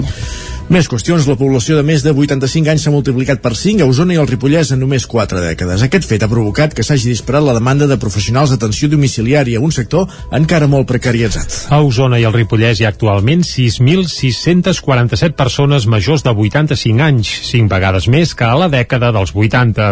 Les dades en la línia del conjunt de Catalunya certifiquen que a totes dues comarques s'hi està produint un, un envelliment progressiu de la població que comporta també més prevalença de malalties cròniques i més grau de dependència. Aquest context fa que cada cop prengui més rellevància l'atenció domiciliària, un sector en auge pel desig d'envellir a casa en comptes de residències. Mig segle enrere, sota un, meixe, un mateix sostre hi convivien diverses generacions i l'habitual era que les dones es fessin càrrec d'avis i àvies, però actualment només a Catalunya hi ha 340.000 persones grans que viuen completament soles. Una derivada d'aquesta situació és que la demanda de professionals d'atenció domiciliària augmenta a raó d'un 20% anual. A Osona, el servei del Consell Comarcal compta amb una plantilla formada per una vuitantena de persones, més del 95% són dones, que al cap de l'any acaben acompanyant a uns 600 usuaris. El model d'Osona és dels més sofisticats de Catalunya, ja que combina l'atenció de caire social amb la sanitària. Pel que fa al finançament, hi aporten diners a tres bandes, els mateixos usuaris, els ajuntaments i la Generalitat. Una altra cosa són les condicions. Fins a principis de 2021, Osona prestava el servei a través de la Fundació Assistencial d'Osona, la FADO, però ara el té encomanat a la Fundació S21, que forma part del Consorci de, de Salut i Atenció Social de Catalunya, un organisme públic. El nou adjudicatari ha subrogat tot el personal i manté el compromís de mantenir el model sociosanitari de referència a Osona. Més enllà de qui i com oferir el servei, però, el context de cada cop més població envellida és una realitat. Més qüestions. Els municipis del Coll Cabra es van posar en marxa el dispositiu de control de vehicles per Setmana Santa i volen donar continuïtat al desplegament en altres moments de l'any. Tabertet, l'Esquirol i Rupit creuen que el sistema funciona i que ara cal trobar el finançament per desplegar el dispositiu en dates com els caps de setmana de 3 dies o fins i tot per Nadal. Ho detalla Àlex Muntanyà, que és l'alcalde de l'Esquirol. Per Setmana Santa és, és un èxit, aquest desplegament, i el volem traslladar també a d'altres caps eh, de setmana importants o, o ponts que vinguin, o fins i tot a l'octubre, o fins i tot durant la, el Nadal, que és quan hi ha molta afluència de visitants. L'alcalde de Rupit, Albert Mercè, també valora molt positivament el funcionament de l'operatiu que es va fer per Setmana Santa i també té clar que hauria de tenir continuïtat. L'escoltem. Uh, veiem que ve molta gent, ens visita molta gent, però informant a la gent en tot moment veiem que la gent s'ordena pel territori i no veiem aquelles grans aglomeracions, aquells cotxes a mal aparcats a tot arreu i veiem que sí, que tenim molta gent, que la gent gaudeix de l'entorn i el visitant gaudeix i el que en viu eh, està tranquil a casa seu. El sistema de control de visitants constava d'accions en quatre punts del territori. A la C-153 de l'entrada de l'Esquirol, a Quatre Camins, a Sant Julià de Cabrera i a Cantoni Gros. Una xarxa d'informadors ambientals eren els encarregats d'explicar als visitants la capacitat dels aparcaments disponibles, les alternatives si volien visitar zones ja massificades i altres informacions per conciliar, conciliar els seus interessos amb els dels habitants del territori. En total, durant la Setmana Santa es va registrar un volum de 13.000 vehicles a la zona amb una mitjana de 2.000 o 2.500 d'entrada cada dia al Coll de Cabra. Això va derivar en uns 1.400 visitants a la Foradada o prop de 800 al Morro de la Vella a Rupit, aprofitant els dies de festa i del Coll de Cabra cap a Vic perquè la ciutat posa en marxa avui una trentena d'activitats dirigides a les persones grans per celebrar el primer cap de setmana de la gent gran.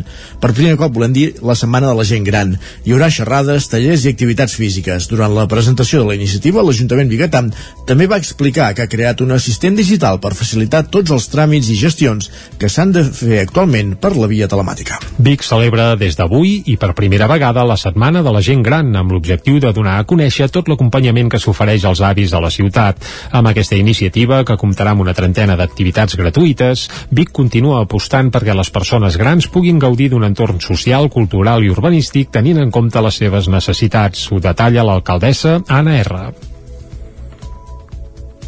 aquesta gent gran, diguem-ne, que sempre els hem de donar aquelles gràcies perquè som aquí gràcies a ells, aquella gent que volem que continuïn eh, moltes vegades després, doncs, diguem-ne, de la jubilació, després de, de tota una època de treball que ara han d'afrontar doncs, una nova etapa, que es continuïn sentint arrelats a la ciutat, que continuïn tenint aquest sentiment de pertinença i amb això vol dir que nosaltres com a administració hem de fer polítiques perquè continuïn estant eh, constantment actius, perquè puguin tenir una, fer una vida saludable, perquè emocionalment i de salut puguin estar bé, fer aquest envelliment actiu. L'Ajuntament de Vic, a més, ha creat un assistent digital per, per facilitar a la gent gran tots els tràmits i gestions que s'han de fer de, per via telemàtica. Ho detalla la regidora de Benestar i Família, Núria Oms. Doncs també engeguem amb aquesta setmana un nou canal de WhatsApp, que és el que comentava l'alcaldessa, que ja és un número que teníem operatiu, que vam desplegar quan l'inici de la pandèmia, però que ara fem un pas més eh, i el posem també de suport, eh, eh, generem una nova figura, diguéssim, que ens hem inventat, que és l'assistent digital, que, que és una nova figura que estarà darrere d'aquest WhatsApp per atendre individualment a totes les persones grans que ho sol·licitin per fer qualsevol tipus de tràmit. Els actes comencen avui i acabaran el dia 5 de maig. Es faran activitats físiques, xerrades i tallers i el colofó final serà la tradicional festa de la primavera, que torna dos anys després de no poder-se fer per culpa de la pandèmia.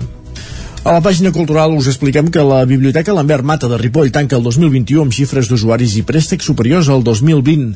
La veu de Sant Joan, Isaac Muntades. La Biblioteca Lambert Mata de Ripoll ha presentat la memòria del 2021 amb unes xifres positives de préstecs i usuaris després del primer any de restriccions per la pandèmia. Cal recordar que aquest equipament no només dona servei a tots els habitants de Ripoll, ja que també és la Biblioteca Central Comarcal i dona suport a la resta de biblioteques del Ripollès, com les de Sant Joan de les Abadeses, Camp de Bànol, Ribes de Freser, Camprodon i Molló. El 2021 ja es va poder obrir l'equipament amb certa normalitat, tot i que no es van poder fer totes les activitats fins al mes de març i en alguns moments va haver-hi restriccions en els aforaments. Els dissabtes van haver de tancar fins al novembre, quan van reobrir. Durant l'any es va ampliar el fons bibliogràfic amb 2.766 llibres, 18 documents sonors i 189 d'audiovisuals. Segons el comptador de persones del qual disposa la biblioteca, aquest 2021 van passar-hi 40.573 usuaris, 5.052 més que el 2020. En total es van fer 307 nous carnets, gairebé el doble que el 2020 i gairebé una trentena més que el 2019. Actualment tenen el carnet de la biblioteca 7.932 persones, dels quals 6.153 són adults i 1.676 infants, a més dels 87 que pertanyen a les classes d'escoles i instituts de la comarca. Durant el 2021 també es van realitzar 28.168 transaccions de préstec, un lleuger augment respecte al 2020, però encara lluny de les xifres d'abans de la pandèmia. També han augmentat el nombre de documents servits d'altres biblioteques i, en canvi, els usuaris d'internet a la biblioteca han baixat durant els darrers 3 anys, així com els que utilitzen el wifi de l'equipament. Aquest 2021 també es van fer les obres de climatització del magatzem del fons patrimonial. Per aquest motiu, gran part de l'any el fons no s'ha pogut consultar. Es va aprofitar per digitalitzar gairebé 39.000 pàgines dels manuscrits, moltes més que les del 2020, en què amb prou feines es va arribar a les 7.500. Pel que fa a totes les activitats, es van fer amb reserva prèvia, forament reduït i amb mascareta. Les exposicions, una cada mes, es van fer sense inauguració i van assistir-hi unes 1.120 persones. Finalment, cal dir que el pressupost de l'equipament és de més de 248.000 euros, 210.800 dels quals venen de l'Ajuntament de Ripoll, 29.500 de la Generalitat de Catalunya i 8.300 de la Diputació de Girona. I més biblioteques, ara a la de Cardedeu, on durant el matí de Sant Jordi es va poder gaudir de la jornada il·lustre. 18 il·lustradors i il·lustradores de la comarca van posar color a les històries escrites per una trentena de nens i nenes de la localitat. Ràdio Televisió Cardedeu, Núria Lázaro. Jornada il·lustre on els més petits de casa participen en una diada dedicada a la lectura i les arts literàries. L'activitat organitzada per la Biblioteca Mar de Vilalba anima nens de fins a 12 anys a escriure la seva pròpia història i portar-la perquè un dels artistes convidats la il·lustri.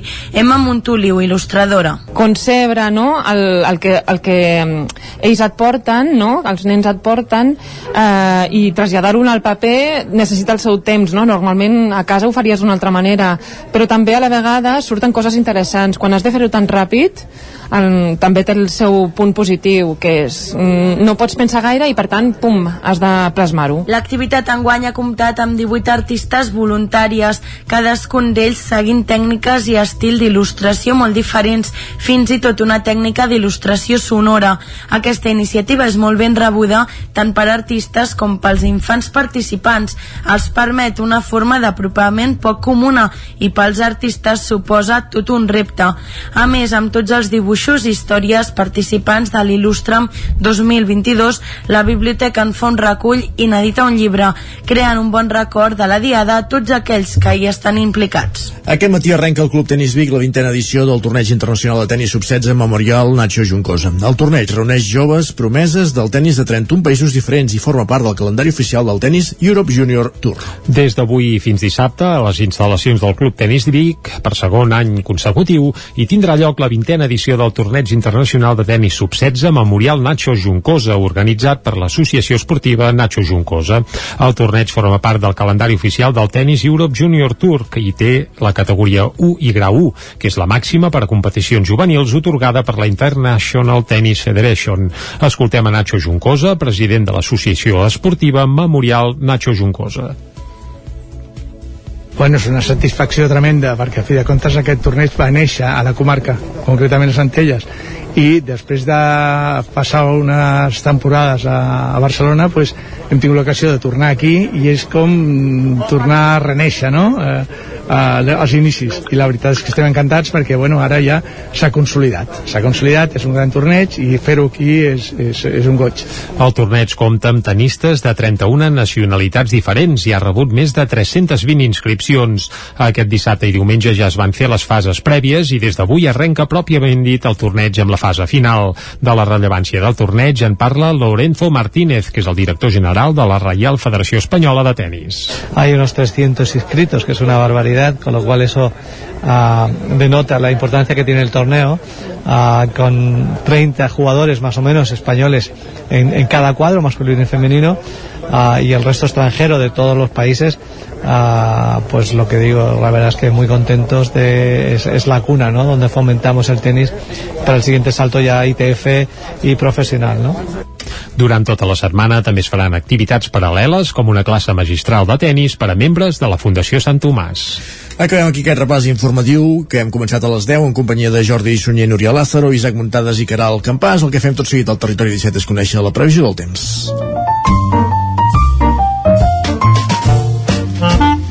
Casa Terradellos us ofereix el temps. I això ho fem cada dia i cada moment amb en Pep Acosta, aquí ja saludem de nou. Bon dia, Pep.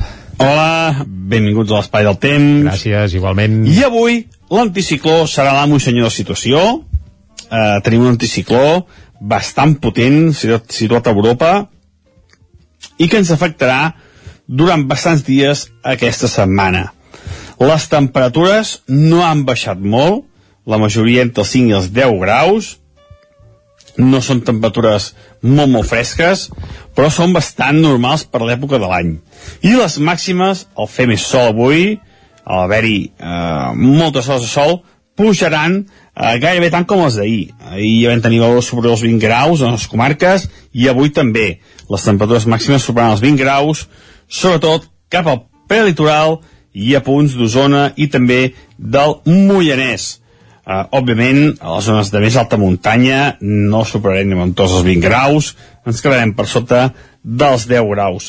Els vents febles, els vents es van encalmant, després, com deia, d'un cap de setmana que han bufat moderadament i fins van bufar forts el dissabte en el moment de tempesta. Uh, avui seran molt més encalmats. I pel que fa a l'estat del cel, algun núvol, uh, ara primeres hores del matí, també alguna nuvolada a la tarda, però poca cosa. En principi sense precipitació. Com a molt, cauran quatre gotes a les zones de, del Pirineu, però molt poca cosa si és que arriba a caure. I això és tot. A disfrutar el dia d'avui, a disfrutar aquest temps tranquil que tindrem, gairebé tota la setmana, i aviam si hi ha alguna novetat, poder dimecres o dijous, sí que alguna novetat podríem tenir amb alguna petita empesta, però molt poca cosa. Moltes gràcies, adeu. Doncs vinga, gràcies a tu, Pep. Us seguirem. De moment sembla que les tempestes de Sant Jordi sí que les deixem enrere i s'acosten uns dies de relativa tranquil·litat. Estarem expectants, estarem atents. I tant que sí. Doncs vinga. va, ja arrenca amb l'entrevista. Però per si de cas preparem galledes ja, no? Sempre, per, va, sí. va, va, sempre, sempre, anem-hi. Casa Terradellos us ha ofert aquest espai. Territori 17. Envia'ns les teves notes de veu per WhatsApp al 646 079 023. 646 079 023. WhatsApp Territori 17.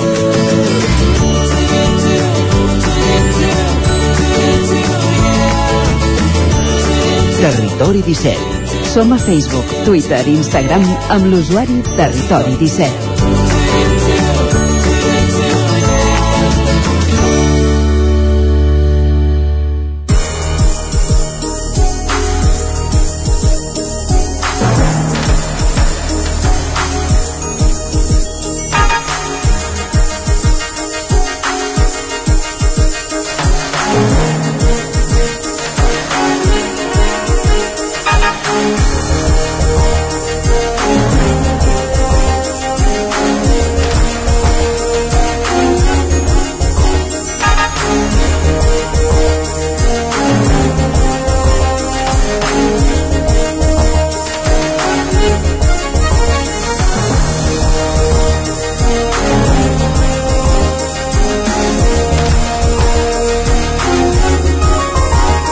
Dos minuts que passen d'un quart d'onze i com explicàvem a l'inici del programa, qui ens acompanya avui a l'entrevista és el periodista trollonenc Gerard López, autor de l'assaig Treu la galleda, el català s'enfonsa, però tu el pots salvar.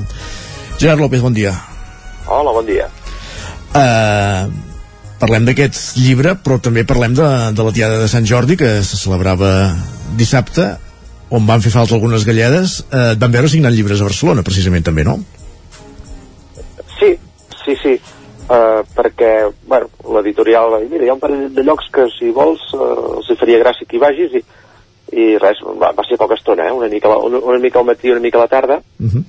Com vas i, veure i, al matí, i al matí passat per aigua especialment perquè va fotre una, una calamarsada notable però bueno, bé, molt bé, molt bé Com vas viure aquest bé. primer Sant Jordi com a autor, per entendre'ns? Perdona? Dic, com vas viure aquest primer Sant Jordi com a autor? Home, mira, és, és, diferent, és diferent. A veure, tam tampoc és que firmes molt, eh, no et pensis, perquè ja soc bastant desconegut, evidentment, però però és, és, és, és molt interessant veure-ho des de des d'un... A veure, el, el, cert és que vaig veure des de les dues bandes, perquè, ja et dic, vull dir, vaig estar un, una estoneta firmant, però la majoria d'estona vaig estar o bé cobert sota, el, sota la pluja o, o bé voltant. Però et serveix per veure les dues vessants i, i, i és interessant veure com, com realment la gent, la gent que, bueno, que, que, que vol que li firmin un llibre, realment és, li fa molta il·lusió. És, és, és curiós. És, Sí, sí. sí, sí, és així, eh? Sí, sí.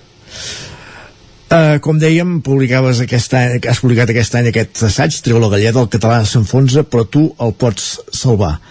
Uh, I salvar-lo és a base de, de fer servir, de treure galleda, galledades d'aigua d'aquest vaixell que s'enfonsa. És més o menys aquest, eh, el missatge? Sí, és... Eh, la idea és, un, és això, no? Que la gent agafi consciència de que la situació està, està, està malament i que un cop agafada la consciència doncs s'actuï, s'actuï de forma individual i, però actuar vol dir una cosa tan simple i tan senzilla com no amagar el català, o sigui, simplement eh, fer-lo servir de forma natural ja està, vull dir, amb independència de si la persona que tens al davant el parla o no eh, perquè la majoria de vegades, en el 95% dels casos, la gent entén el català. Per tant, eh, no, no hi ha un motiu, diguem, per, per, no, per haver-lo d'amagar. Eh, el vaixell representa una mica la idea aquesta del, del Titanic, no que s'enfonsa. El Titanic es va enfonsar perquè tenia un, una rasa molt gran que li va provocar eh, l'iceberg que el va, amb què va topar i, què li va passar? Que no tenia opció de, no tenia opció de, de reflotar. Hi ha un moment de la pel·lícula, si us recordeu, que diuen, ei, i si eh, posem les bombes a treure aigua i així potser podem con contrarrestar l'aigua que entra, no? I l'enginyer del Titanic diu, no, no, això no, això no, no hi ha opció. Uh, esclar, ara imagina't que el passatge del Titanic hagués tingut galledes, no? I, ah, doncs va, tots a posar la galleda a treure aigua. Uh, segurament en el cas del Titanic s'ha- s'hagués apuntat igual, perquè no, no hi havia prou gent com per i prou galledes com per treure l'aigua. Però en el cas del català, en el cas de la llengua catalana, en el cas d'aquest vaixell, diguem, hipotètic del català, hi ha una diferència, i és que hi ha molta gent que pot tenir una galleda. Molta, molta, molta gent que pot tenir una, una galleda. I, I si tothom la fa servir, segurament sí que es podria, diguem, revertir la tendència, perquè el potencial hi és. Tota aquesta gent som els catalanoparlants, diguéssim. La idea és interpel·lar- interpel·lar-nos a tots mateixos, a, a tots nosaltres, per entendre'ns. Sí, però, però atenció amb això, eh? Que, això és una opinió personal, però, bueno, de fet, crec que és així. Um, de, els catalanoparlants que el tenen el català com a primera llengua o, o, o com a segona, perquè uh, hi ha molta gent que no té el català com a primera llengua, però, però sí que el fa servir com a segona si se li excita el potencial, si, si se li adreça en català, sense cap problema. I aquí hi ha la clau de la qüestió. Diguem, l'estructura social, sociològica d'aquest país és bàsicament això, és una gran massa bilingüe, perquè és el que hi ha, a Osona potser no tant, però al conjunt de, de, de, del Principat sí. Hi ha una gran massa bilingüe que la veus, té un aspecte monolingüe perquè habitualment no, no se li excita el català, però si l'excita és el català i això és el que ja ha fet durant 21 anys. Mm? Doncs eh, això es transforma. I, I una cosa molt important, eh, és molt important defensar el català, però, diguem, per, perquè ens entenguem, aquest llibre eh, va a favor del català, però no va, no va contra el castellà o contra el francès o contra l'anglès. Eh, ho dic perquè això va lligat amb això que, deia, que em preguntaves, no? De, de si la llengua l'ha de defensar qui el té com a primera com a segona. I hem de ser tots. I per tant ho has de plantejar en positiu, no en negatiu. Parlaves d'aquest treball de, de 21 anys, diguéssim, a partir del qual eh, surten diverses experiències o anècdotes, que és el que vas explicant eh, eh, en aquest llibre. Casos amb els que t'has trobat, no?, d'això, de, de parlar en català amb una persona i que li, li, li excites l'ús d'aquesta llengua, com, com comentaves. Sí, mira, et posaré un exemple, un, un exemple molt que la gent segurament coneixerà, el, el Wallapop, saps? Sí. El Wallapop. Doncs mira, eh, a l'hora de posar l'anunci Wallapop, mm, doncs jo n'hem fet uns quants, eh, diguem, a, a casa de Wallapops, eh, un centenar ben bons. A l'hora de posar l'anunci, eh, el posàvem en castellà, d'acord? Sí. Uh, després, quan fas el contacte, diguem, el primer contacte amb la persona, doncs, en castellà, però alguna vegada ja en català ja comences a fer el canvi. I després ve la part important, que és quan hi ha el, el, la transacció, no? Quedes amb la persona al carrer i mira, que anem a tal lloc i, i no sé, aquell, aquelles arracades doncs te les porto allà, en mà. I això, eh, bueno, gairebé sempre, quan, quan hi he anat, a l'hora de trobar-me la persona, jo sempre m'hi he adreçat en català, diguem, amb el contacte, diguem, directe, no? Sí.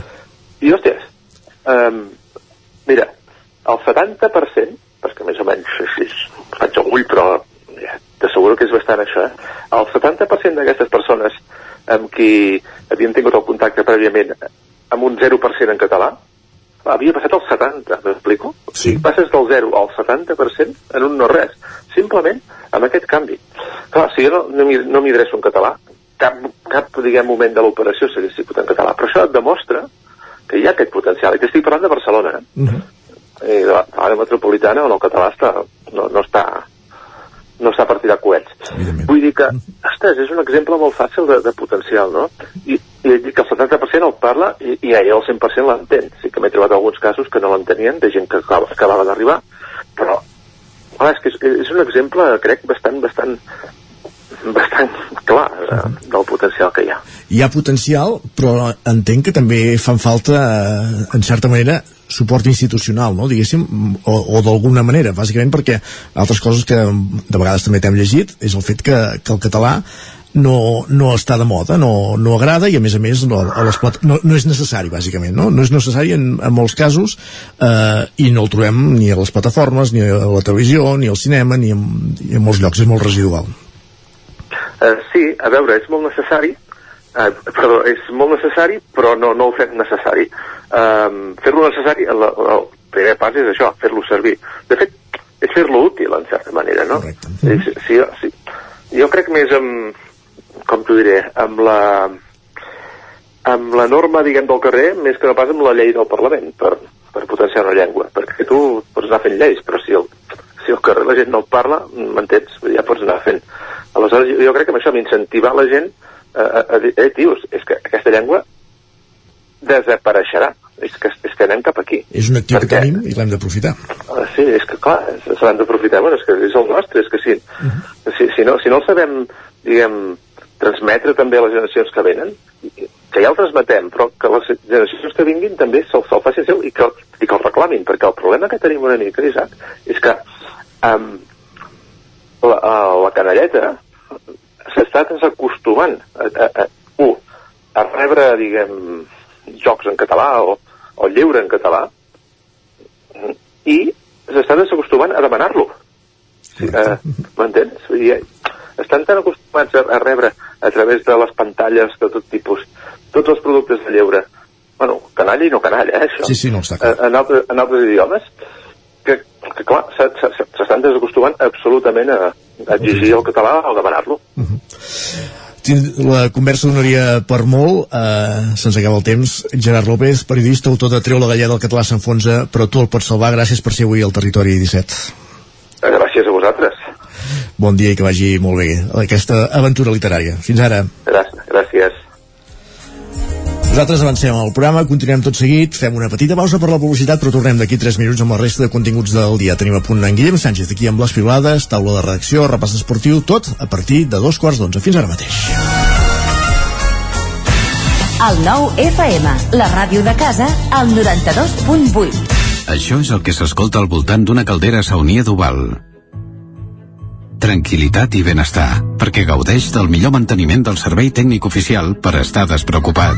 O el que vulgui. Informis a Oficiat Nord trucant al 938860040. Saunia Duval, sempre al seu costat. El racó de León ja és primavera. Gaudeix de la nostra terrassa. Vine a tastar les xuletilles de lechal a la brasa amb una bona amanida o el xuletón de vedella gallega. No et pots perdre el nostre lechado de Castilla al forn o el cochinillo a l'estil de Segovia. Tot acompanyat del millor celler, al menjador o fora la terrassa.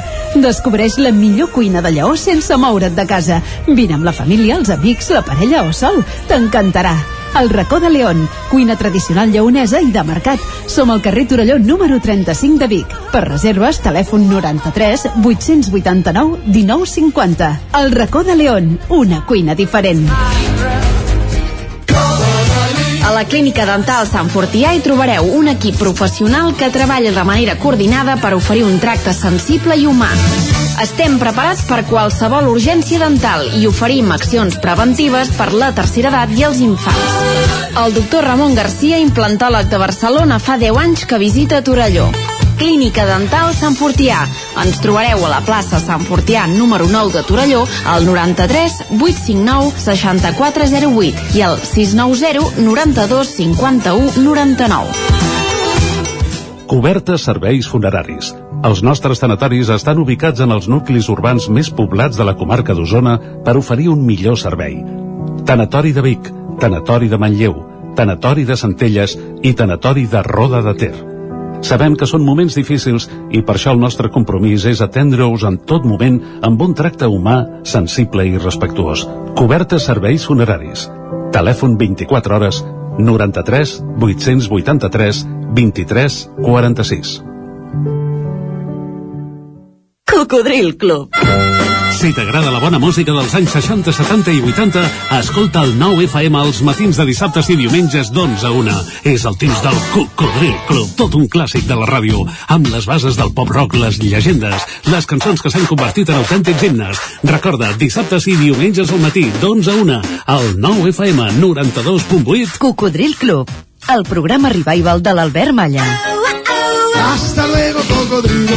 Anuncia't al 9FM. La màquina de casa. 9 3 8 8 9 4 9 4 9. Publicitat arroba al 9FM.cat. Anuncia't al 9FM. La publicitat més eficaç. El 9 FM, el 9 FM. En punt, clavem dos quarts d'onze al territori 17.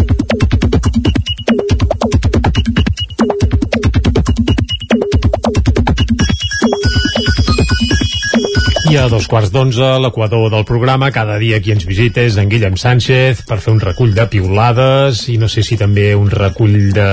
Bé, de Roses i llibres. Roses, llibres, biblioteques. Pluges. Tu, Guillem, segur que vas acumular, vas encetar una biblioteca, eh, aquest cap de Unes- setmana o què? Doncs mira, crec que va ser el primer any que no em van regalar cap llibre per Sant Jordi.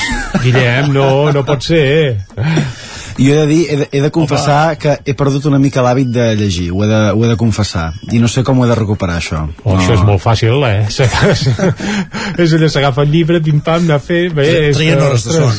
Traient hores de son, aquesta és una bona resposta. I de Netflix. Ara, jo crec que millor treure hores de televisió, eh? Perquè alguns, eh, a partir de cap a les 11 te'n vas al llit i fins a les 12 una mica de lectura. Doncs intentarem Ah, aplicar aquesta, aquesta fórmula, a veure si...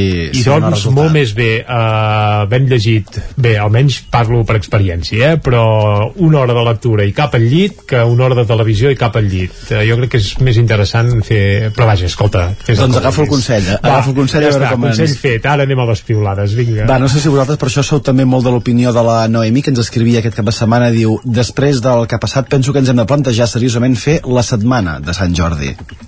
Home, jo ja faria l'any de Sant Jordi directament també fet i fotut. Ah, que, que de fet durant tota la setmana ja, ja es parla ah, per de, exemple, llibres de roses clar, també, ja cal dir coses. que també, per exemple, els descomptes a les llibreries el dia de Sant Jordi ja els fan extensius Mm. arreu durant tota la setmana. Per tant, no cal esperar el dia concret de Sant Jordi per amb aglomeracions i aiguats Anar anar allà. a fitxar el llibre, pots anar-hi quatre dies abans i diguem que et beneficies igualment doncs, de d'això, dels descomptes de Sant Jordi, per exemple. I segurament podràs triar més tant. Tranquil·litat. I tant. Va, doncs com dèiem, eh, la meteorologia va provocar que aquestes parades llibres i roses quedessin malmesos en alguns casos. La Isabel l'endemà feia les següents reflexions, deia Bon dia a tothom, excepte la senyora que ahir em va preguntar en sèrio si faríem més descompte en els llibres mullats. Bé, uh, els venedors de plàstics també Hi ha- van hi ha fer el seu agost, per eh, tot. per Sant Jordi, però vaja. En aquest sentit, per Seguim. això, en Xavier i en Jordi ens expressen una opinió semblant a través de les xarxes. Ens diuen que els ingressos dels llibreters depenguin de la climatologia com el dels pagesos hauria de fer pensar que hi ha alguna cosa que no rutlla, això per una banda, i en Jordi diu, després de la pedregada d'ahir desitjo molta sort al gremi de llibreters en la seva lluita amb les cases d'assegurances. Diu, benvinguts a pagès. N'hi ha d'assegurances o no? No sé, en aquest cas... Sí, eh, com contractes està. d'assegurances o no? S'hauria de preguntar, això s'hauria de preguntar. També cal dir que, almenys en el cas d'Osona, eh, eh, escolta, el que es va fer és posar els llibres sota A cobert, cobert, a cobert. Eh, clar, a les voltes de les places de Manlleu, a Torelló, a Vic, etc. tret d'una llibreria que ja de bon matí va dir que atendria la gent a la, a la llibreria, no a la plaça. També, alguna excepció, però vaja, és a dir que plans B, escolta, n'hi havia molts, eh? I tant, i tant. I en dates com Sant Jordi, en què se celebra també l'amor, hi ha gent que en té més ganes que d'altres. L'Eric ens compartia, diu, ahir sopant amb el grup una amiga meva que feia temps que no veiem perquè vivia lluny amb la parella, diu, tinc una cosa per explicar-vos. I ell diu, jo ràpidament vaig, vaig dir, boda? I ell em diu, ens hem deixat i torno a viure aquí. Les ganes que tinc d'anar amb vestit fan que quedi sempre en evidència. Bé, Ai, bueno. Respostes d'aquelles que a vegades... Si llences a la piscina pot passar de tot. Que Sí, l'encertis o que patinis. O que no hi hagi aigua, o que no hi hagi aigua. Però escolta, per tant se val, no? El que no sabem per això és si l'Eric podrà anar a la boda de l'Àlvaro i la seva parella després del que ha passat també el cap de setmana. Ai, ai, ai, ens escrivia l'Àlvaro, ens diu Ai, ai. la meva parella va dinar per Sant Jordi amb en Jordi Borràs i avui encara m'estima. Suposo que després d'aquesta prova de foc només em queda anar a comprar l'anell. I de passada que li regali el llibre d'en Jordi Borràs també, mira, fet i fotut, que val la pena. Exacte, bona recomanació. I coincidint també amb Sant Jordi, qui també ho va celebrar de valent va ser els jugadors i afició del Tona que van confirmar l'ascens. Pensava que és una Sí, els, els del Barça No, els del Barça no, els el del Barça eh? no. Almenys els del Barça masculins. Del Tona sí, tant que sí. A més porten una samarreta, escolta, de Sant Jordi, amb les Correcte. quatre barres, bé, tal com toca. Doncs passades unes hores, jugadors com l'Arnau Vallès, per exemple, escrivien per Twitter encara no m'ho crec, un poble com Tona a tercera federació, aquesta és una, i des del mateix Tona, el diumenge feien la següent publicació. Ens deien, gràcies a elles, estem on estem. No sé si I sabeu... són elles? Aviam, Adjuntaven això una... ho saps, Guillem, va, explica'ns-ho. Jo he llegit un cromo al 9-9, pot ser o no? Podria ser, a veure, Isaac, va. Les ulleres de l'entrenador? Les ulleres de l'entrenador, Mm. correcte, correcte. Sí, sí, sí, sempre va amb aquestes ulleres de ciclista de sol, així una mica no, no són convencionals, eh? Són de, no sé si de BTT o de què, però és ben curiós el seu... El seu look. Uh, atrezzo, sí. El que no sé si les ulleres aquestes les haurien de deixar amb en Xavi o amb algun membre de, del Barça, que potser no sé si portarien més sort o, Jo o crec que menys. mi- millor que es quedin a tona, per l'any que ve segurament faran falta. Però vaja, no, no. Ves que, ve- ves que algun jugador del Tona no l'hagi repescant Xavi. També, també podria ser. També Home, podria doncs ser. mira, n'hi ha un parell que no desentonarien, potser, eh? I de fet, eh, eh, relacionat amb el partit d'ahir, eh, alguns comentaris per Twitter també ens deien del partit del Barça. En Magí, per exemple, diu, tal com han evolucionat les coses, el més lògic i just és que el Barça femení jugui sempre al Camp Nou i el masculí ho faci el Johan Cruyff. Opinió de, de Magí, que ens hi podríem sumar també, vist com Vinga, estan les sí, coses. Sí, tant, i tant. En Xavi Aporta diu, només hi ha hagut una cosa pitjor que el joc del Barça, que és l'arbitratge. Bé, si no fas gols també també deus tenir part de Anem culpa. acumulant, acumulant arbitratges macos últimament, eh? Això també és cert. I la pregunta del milió que es feien també des d'algun mitjà i a través de les xarxes diu Xavi hauria de comptar un altre cop amb en Ferran Juglar? Doncs mira, jo crec que seria una molt bona opció per reforçar l'atac i a més, escolta, en quatre partits va fer tres gols el primer equip i el Barça B és Mira, el màxim golejador de molt tros també. En porta 12 en els últims 13 partits, per tant Uh, escolta, és que és facilíssim i el tenim aquí al costat i anar buscant No, de fet, el té més a prop en Xavi que nosaltres. Sí, també, sí, a Sant Julià potser hi va poc, no sé si va anar a fer la mona, potser, poder s'hi va deixar No escapar, sabem, eh? no sabem, perquè això. té algun familiar de tradició pastissera, però vaja. Uh, Doncs solució fàcil, faran juglar Clar. ulleres de ciclista i a veure si el Barça remunta aquesta, aquesta setmana. I per cert, eh, la setmana que ve també torna l'Ansu Fati, es veu, eh, Can Barça. Per Doncs tant, vinga. tu, Ferran i Bones- Ansu, i bones notícies ja tro, eh? a dojo. Va, Bones notícies vinga, a vinga. dojo. Guillem, Va, moltes gràcies. digitals. Salut i llibres, eh? I llibres, Sempre, sobretot, sempre. eh? Doncs va, Sempre. va, va, va. I vinga, fem un cop d'ull al 99.cat, que ara mateix obre explicant que els Mossos condecoren 31 agents que eren a la comissaria de Vic durant l'assalt en què la van destrossar. Això va passar la setmana passada en el marc del Dia de les Esquadres, som a l'edició d'Osona i el Ripollès. També ens fem ressò que el Vall Ter i Vall de Núria superen la temporada d'hivern amb bona nota i que el Tona és nou equip de tercera divisió, en aquest cas de futbol. Anem cap a l'edició del Vallès Oriental, del 99.cat, que ara mateix obre explicant que l'Eix Espargaró és tercer a Portugal, el Gran Premi que es va fer ahir, i tercer també al Mundial, que Salut traslladarà aquesta setmana al CUAP de Granollers al nou centre de salut del carrer Girona i nous hàbits i més facilitats per aparcar i pujar al tren a les franqueses i també a Cardedeu, precisament del que va passar a Cardedeu, en vam parlar fa uns dies aquí a Territori 17. També un detall, ferit un home en caure d'una alçada de 4 metres del castanyer d'en Cuc. Aquest castanyer és a Cànoves i Samalús. Déu-n'hi-do, Algú s'hi va enfilar, va caure des de dalt i bé, el van haver de, de recollir doncs eh, sembla que ferit doncs això, des de, després de caure d'un castanyer Gràcies, Jordi. Entrem a la taula de redacció.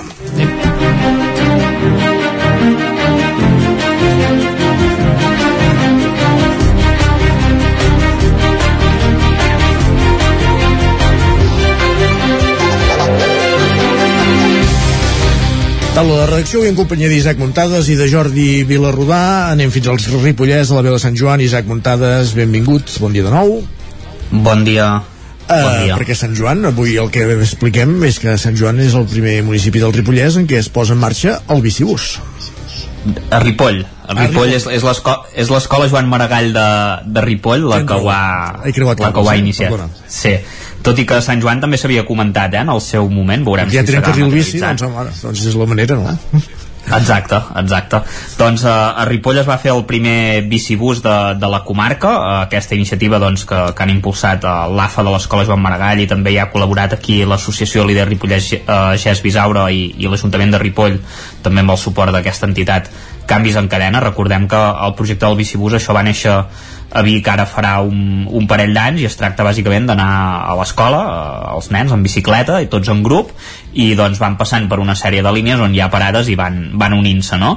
en el cas de, de Ripoll en, aquesta, en aquest bicibús que es farà d'augment tots els, els divendres al matí doncs eh, hi participen eh, uns 28 nens s'espera que doncs que quan s'acabi el curs més o menys n'hagin pogut eh, comptar amb uns 40 i bàsicament té tres uh, línies eh? hi ha una línia lila uh, que ve provinent de la carretera eh, d'Olot i que també dona servei doncs, als nens que venen de, del barri vell de Sant Pere. Hi ha la línia verda del barri de l'estació i després hi ha una línia groga que ve de, de carretera Barcelona i de, i de Caselles. I sens dubte doncs, és, és important el bicibús. Uh, un dels membres de l'AFA de l'escola Joan Maragall, Arnau Urgell, va explicar que ja hi havia un 10% doncs, d'alumnes de l'escola que anaven eh, en bici, que d'augment doncs, estaven eh, molt contents. Eh, també és veritat que s'ha engegat en un moment de, de temporalitat en què el temps, deixant de banda doncs, aquest Sant Jordi que va ser una mica més mogut, doncs eh, s'està comportant i que evidentment és més d'àmbit primaveral, s'haurà de veure també com funciona de cara eh, a l'hivern, però, però bé, la idea és intentar seguir creixent i a veure si també doncs, més eh, escoles de la comarca s'hi s'hi sumen. Eh, Urgell també va dir que pel que fa a la infraestructura doncs estan contents perquè no, no en necessiten pràcticament, necessitarien com a molt petites millores en punts determinats de, del recorregut. I per la seva banda també va, va venir un representant de canvis en cadena, Eduard Folk, a fer el, el recorregut, en aquest cas ell va venir amb la línia, amb la línia groga.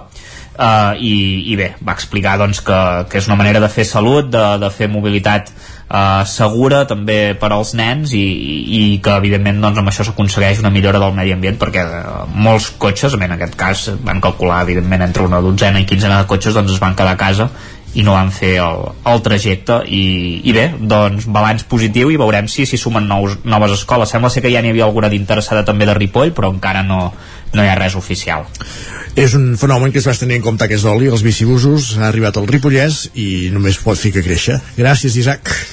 A vosaltres, adeu. Parlem més tard.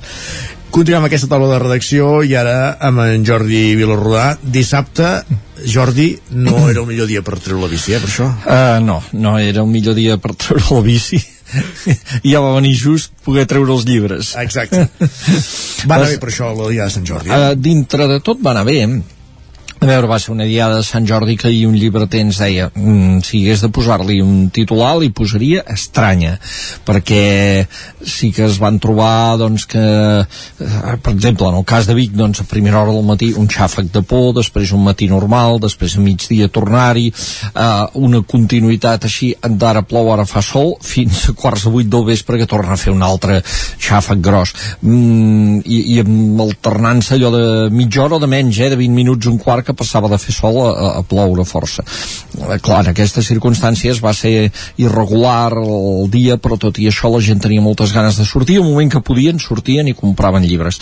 I posant les parades a Supluig, com va ser el cas de Vic, de Manlleu, d'altres llocs, doncs es va poder anar mantenint un dia de Sant Jordi que la majoria de llibreters consideren que va ser bo que va ser bo perquè eh, no es van assolir les vendes potser de l'època prepandèmica, o sigui del 2019, però sí que es va arribar una bona xifra de vendes, ahir ho estaven mirant, avui segurament tindrien dades més concretes, però la primera impressió era notablement bona mm, donat, en fi, això, les circumstàncies en què es va haver de fer el dia, que fins i tot va afectar també la, el joc de pistes, la gincana que es feia a Vic, que també doncs, hi va haver moments que es van haver de posar supluig als 600 participants que hi havia, que déu nhi Mm -hmm. i bé, després tenim el balanç aquest de, de, de vendes i el rànquing, el rànquing.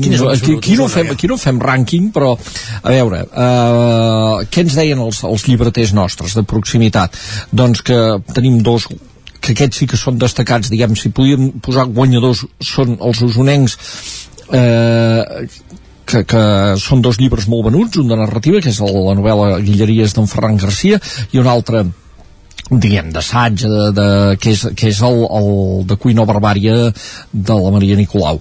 Aquests dos serien els autors usonencs que destaquen molt per sobre dels altres, segurament, al costat d'algun d'aquests llibres de memòries, del Mercat del Ram desaparegut, o d'aquests de fotografia que, que també tenen molta tirada. Eh, els de nivell general, doncs bé, els llibreters ens deien alguns que sí, s'ha dit que el llibre d'Antoni Cruanyes el, el podia ser el més venut, el de l'Empar Moliner, però aquí no hi havia. Mm, no notaven que hi hagués un llibre tan destacat. També va passar que alguns d'aquests supervendes no en tenien i es van quedar de seguida sense. I per tant tampoc podien dir ostres, sí, sí, aquí ho confirmem perquè és el més demanat, el més venut. Bé, Osona sembla que va estar bastant repartit això, hi havia doncs molta demanda de diferents títols i de diferents llibres i tampoc no hi ha eh, aquest fenomen tan destacat potser també perquè si algunes persones el demanaven es trobaven que, que no en tenien. La distribució va tenir alguns colls d'ampolla perquè no es van fer reedicions ràpides abans de Sant Jordi alguns d'aquests llibres. Sí que, per exemple, cridava l'atenció que alguns llibreters et deien a part de les novel·les s'ha demanat el llibre del Manel Elias, eh, del periodista sí. de TV3 sobre eh, Rússia, l'escenari més gran del món, i fins i tot també el de Llibert Ferri sobre Vladimir Putin. O sigui que, d'alguna manera, la guerra treia el cap també en les parades. I sí que és veritat, això ho vam constatar voltant doncs, que el llibre del Manel Elias doncs, era un llibre demanat i venut i, i, i per tant, tota aquesta circumstància que estem vivint també es notava en el Sant Jordi. Ara, sí que és veritat doncs, que si hem de destacar dos autors, doncs tenim el Cuino Barbària de, de la Maria Nicolau, que ha estat un èxit sorpresa, no s'ho pensava ni l'editorial que va haver de córrer a fer una reedició la setmana passada, i Guilleries que potser no tan sorpresa perquè hi havia un corrent de fons d'un boca-orella que, que és la millor promoció que pot tenir un llibre i que ja anava doncs, en aquest sentit. I aquí estem, podem estar parlant d'un d'aquests uh, long sellers que diuen, o sigui, llibres que es van venent durant, durant molt de temps. Fins i tot hi va haver llibreters que ens van dir és que jo continuo venent la, la, la Irene Solà, el Canto Jo i la Muntanya Valla, eh, que n'hi havia un que ens deia, és que ja no sé a qui més vendre'l, però jo tinc la sensació de que tots els meus clients el tenen, però no, encara me'l continuen demanant. Millor. I fa 3 anys, o sigui, ara, aquest mes de maig farà 3 anys que va guanyar el premi amb el que es va llançar doncs, aquesta, aquesta novel·la de, de l'Irene Solà, que, que sembla que continua tenint recorregut. Hi ha hagut l'obra de teatre, és veritat, se n'ha continuat parlant, ha continuat fent xup-xup, i, i, i, i, i, i ara aquests moments doncs, ens trobem amb això, doncs, que encara es ven. I de roses com va anar la cosa? Se'n van anar venint? De roses se'n van vendre moltes, hi havia parades que a la tarda ja no hi eren, perquè havien acabat les existències, i sí que és veritat que la rosa sempre és una cosa més matinera, és allò de...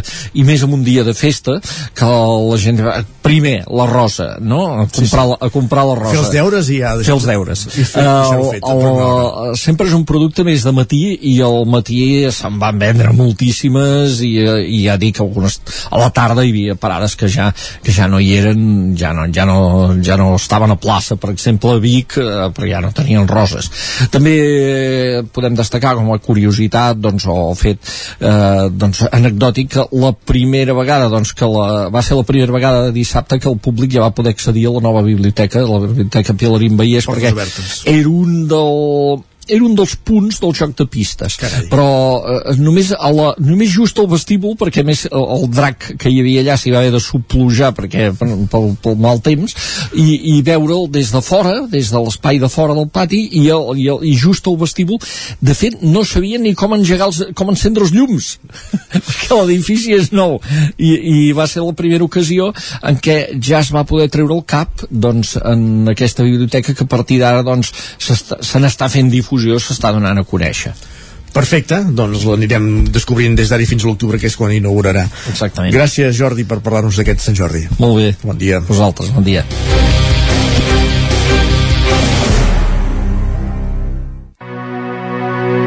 Territori 17 El 9 FM, la veu de Sant Joan, Ona Codinenca, Ràdio Cardedeu, Territori 17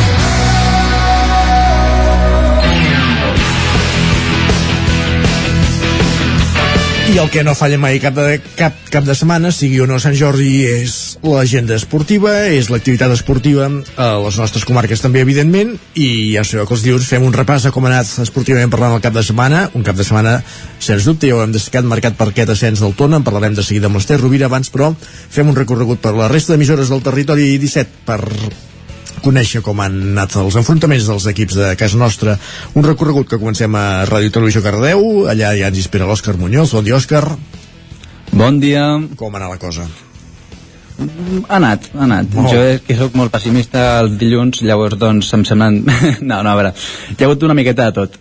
Comencem amb, el- amb l'empat del primer equip de futbol d'aquí Cardedeu ahir diumenge a casa del Malgrat. A priori vam comentar divendres que era un partit més assequible pels cardedeuencs, però no va ser així. Els locals doncs, van començar més, sí, més no, no, concentrats al malgrat tot partit. han tret un punt. Ja està. Malgrat tot, joc de paraules. Sí, eh? Perdó. Molt bona aquesta. Els, els locals això van començar doncs, més concentrats al partit i van aprofitar la, la primera errada del, del Cardedeu al minut 3 per fer el 1 a 0. Aquí el Cardedeu doncs, posaria una miqueta les piles al minut 20 i posaria l'1 a 1, però així es quedaria el partit. Amb aquest empat el Cardedeu doncs, baixa una posició de la Lliga de la segona catalana i baixa a la quarta posició. Ara, doncs, del prim, de l'empat del primer equip, anem a l'empat de l'equip filial, que també va empatar, eh, en aquest cas a casa, contra el Palau Tordera, també per un gol a un. Aquí eh, l'equip cardeuenc també va haver de lluitar per empatar el partit, ja que el, el Palau Tordera es va avançar al minut 78, ja cap a la recta final del partit, i el Cardedeu, doncs, just a l'últim minut, al 89, va fer aquest 1 a 1 doncs, per mantenir-se en aquesta segona posició que ara ho té té el, el primer classificat, el Sant Celoni, que també va empatar ahir, el té a dos punts, així que eh, bona lluita en aquesta tercera catalana. I a la mateixa lliga, el Llinàs també va obtenir una victòria molt, molt important contra l'Atlètic de Vallès i va guanyar per dos gols a quatre. Això va ser ahir a les 6 de la tarda i doncs això, el Llinàs fa que aquesta victòria fa que doncs, sortim de l'última plaça abans de, del descens i es mantingui ara, ara la deuena posició de aquesta tercera catalana. Així que bons resultats per l'equip llinasenc. Molt bé. I acabem també amb bones notícies amb el futbol. Eh, l'Esport Club ahir va remuntar amb el tram final el partit contra el Girona B. Era un partit molt important per l'Esport Club, sobretot per la permanència en aquesta tercera divisió eh, i va aconseguir doncs, això posar eh, guanyar a l'últim moment per un gol a dos. Aquesta victòria fa que no hagin d'esperar de, cap carambola de resultats, eh, així que la, si guanyen la victòria, si, si guanyen el cap de setmana que ve, eh, es mantindran en aquesta lliga. Perfecte. I també acabem, acabem el repàs esportiu d'aquí aquesta zona amb, amb handbol, amb el, amb el Franklin Balomano Granollers, que ahir es va imposar contra el Balomano Nava per 35 a 29. Aquesta victòria fa que eh, el Granollers, després de també l'ensopegada dels segons classificats del Soa, doncs fa que es posin a la segona posició de la Lliga Asobal. Perfecte, doncs no, no està tan malament el cap de setmana. Gràcies, Òscar. A vosaltres. Fins ara. Continuem aquest recorregut als estudis d'Ona Codinenca. Ens hi espera allà la Caral Campàs. Caral, com ha anat la cosa? Bon dia. Bon dia, doncs començo pel futbol. El grup 6 de segona catalana, el líder de grup, Alcaldes, va acumulant victòries i aquest cap de setmana va seguir amb la mateixa tònica vencent el Llavaneres per 2 a 0. Dos gols en dos minuts passada la mitja hora de partit. I a tercera catalana, encara en futbol, el grup 5, el filial d'Alcaldes també va obtenir una victòria davant el Pradenc per 3 a 2 després d'un partit de moltes anades i vingudes al marcador. Alcaldes va anotar el 3 a 2 definitiu al minut 85 i aquest grup 5 de tercera catalana el Sant Feliu va ser derrotat pels Centelles. Els usonencs es van imposar per la mínima marcant l'únic gol del partit al minut 80 i en el mateix grup el Castellterçol també va perdre el partit que disputava contra el Fulgaroles per 5 a 4 els del Moianès amb pocs jugadors van arribar sense canvis possibles i van haver d'acabar amb 10 homes per lesió. Tot i això, val a dir que els um, de Castellterçol es van avançar al marcador posant el 0 a 2 i a la segona part uh, va ser el Fulgaroles qui va acabar golejant i tancant el marcador amb aquest 5 a 4 i tal com esperàvem el Mollà va ser golejat pel Voltregà eh, per 4 a 0 un partit que es va desencadenar amb el gol en pròpia porteria del Mollà que va acabar enfonsant-se davant el líder de grup. Tots els gols eh, van arribar a la segona part i fins al moment d'aquesta errada defensiva del gol en pròpia val a dir que el partit estava molt igualat. I en hoquei a segona divisió teníem el Sant Feliu de Codines que disputava contra el Lloret en un partit que va estar molt igualat i que va acabar amb empat a dos, confirmant així la permanència del Sant Feliu de Codines a l'hoquei Lliga Plata. El Sant Feliu depenia d'ell mateix per certificar aquesta permanència, però l'empat del Juleseta amb l'Arenys va fer que, que bé, amb aquest empat que ha obtingut eh, en tingui ara prou per certificar la permanència. Val a dir que la reacció de l'equip després del canvi d'entrenador farà que el Sant Feliu segueixi a la segona divisió estatal 18 anys després d'aconseguir l'ascens. I en hoquei femení, per acabar, el Vigas i Riells va ser derrotat pel Manlleu, tot i que les ballesanes van plantar cara fins al final un partit que va acabar amb Manlleu 4, Vigas 3 i on el conjunt verd i negre va dominar bona part de la, del maig i fins i tot va posar contra les cordes al Manlleu amb dos gols en dos minuts que van suposar el 3-3 però bé, amb aquest 4 a 3 final i la derrota del Vigas eh, les mm, del Vallès es mantenen vuitenes i ara els esperen dues setmanes de descans pels compromisos de Copa de la Reina i Champions de les rivals ho anirem seguint. Gràcies, Caral. Continuem el recorregut, anem fins al Ripollès, altre cop a la veu de Sant Joan amb l'Isaac Muntades. Isaac, parlem d'esports ara, com ha anat el cap de setmana? Bé, eh, doncs ha estat un cap de setmana que, que sobretot destaca per les golejades de, dels equips de, del Ripollès, també n'hi ha hagut en, en contra, per exemple, començant per al futbol, el grup 19 de la tercera catalana, el Camp de Bànol va vèncer per 5 a 0 en una gran segona part contra l'Ètic de Banyoles amb un pòquer de Maideu. De fet, el descans, curiosament, s'hi va arribar amb empat a 0 i tots els gols van ser a la segona meitat en què li van clavar aquesta maneta als banyolins sobretot al contraatac uh, Uri Pérez va inaugurar el marcador 50 minuts després d'una passada de Maideu que un minut després doncs, ell mateix feia el segon en rematar una altra centrada, el tercer arribava al minut 74 guanyant l'esquena a, la defensa i marcant en l'1 contra 1 i els dos darrers gols de Maideu doncs, van ser idèntics, marxant amb velocitat i fent una fuetada des de fora l'àrea eh, també lluny de l'abast de, del porter visitant. I el Canano ara mateix és sisè amb 46 punts Uh, la Badesenc està just per sota del Camp de 7 amb 44 i també va ser molt superior al Cornellà de Terri, està en un moment dolç al, conjunt Sant Joaní. El va derrotar per 4-2, això sí, els del Pla de l'Estany es van poder posar en el partit en un tram uh, final força boig, es van avançar els Sant Joanins al minut 3 amb un gol de Gómez, aprofitant un rebot dins l'àrea. El propi Gómez va fer doblet passada la mitja hora de joc, després de rematar una passada de la mort. Anuar va retallar distàncies a, a la represa en definir sol davant del porter i a partir del minut 90 doncs, va haver-hi tres gols més. Cruz va, va aconseguir un golaç per tota l'escaire Musa va fer el 3 a 2 aprofitant un rebot per, per, per posar-li la pilota per sota les cames del porter i Ochoteco va fer el 4 a 2 definitiu per sentenciar doncs, amb un xut des de dins de l'àrea. Uh, la primera catalana d'hoquei patins l'hoquei club Ripoll s'ha classificat pel play-off pel títol després de derrotar per 6 a 2 al Santa Perpètua en un gran partit en què els ripollesos doncs, van ser molt superiors. Al descans de fet ja guanyaven 3 a 0 en els primers minuts de la meitat uh, de, la, de la segona meitat es van situar doncs, amb 5 a 0 sí que els visitants van, van fer dos gols però els ripolleros van aconseguir tancar el partit amb, un, amb, un, amb una sisena diana. El Jaume per partida doble David, Solà i Bernat i Vidal van ser els autors dels gols. Els ripolleros ara mateix són quarts amb 19 punts i en tenen 4 de marge respecte al cinquè classificat a falta d'una sola jornada. Uh, I res, per acabar l'última uh, golejada d'avui és uh, contrari als interessos dels equips ripollesos perquè l'escola de futbol sala Ripoll Servicat doncs, va caure per 7 a 2 a la pista del Prat Bar La Terraza Alcalà, un enfrontament que a pesar del marcador va ser força igualat, es van avançar els, els locals eh, per 1 a 0 es va arribar al descans amb un 2 a 0 els ripolleros van aconseguir retallar distàncies però a partir d'aquí doncs, fins al 7 a 1 es van posar al Prat i el, i el Ripoll només va poder mar maquillar el marcador. Ara és penúltim, està en zona de descens amb 12 punts i, i un partit menys.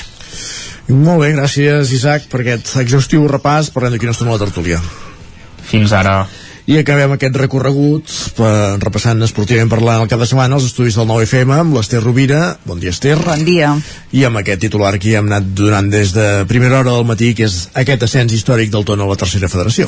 Exacte, un ascens històric i esperat, esperat perquè eh, l'any passat l'equip ja va estar a punt d'aconseguir-lo, eh, però se li va escapar l'últim sospir de la tornada del playoff al camp de la Guinaueta de la manera més cruel, eh, quan ja ho tenien tot de, de cara, i històric perquè l'equip no ha jugat mai eh, en mm. aquesta categoria, no? I també perquè passarà a ser el primer equip de futbol de, de la comarca d'Osona, per tant, eh, un dia, sens dubte, de, dels importants en la història de, del futbol eh, usonenc i també, eh, doncs, especialment tonenc, eh, aquest que es va aconseguir di, dissabte gràcies a la victòria per 4-1 a casa contra el Sabadell Nord, en el que era el penúltim eh, partit d'aquesta temporada al grup 2 de la, de la primera catalana um, per un equip que fa quatre temporades que està a la, a la primera catalana uh, i va arribar a la temporada 2017-2018 i aquesta és la segona doncs, que està uh, l'equip dirigit per, per el cos tècnic de, de Ricard Ferrés que, que,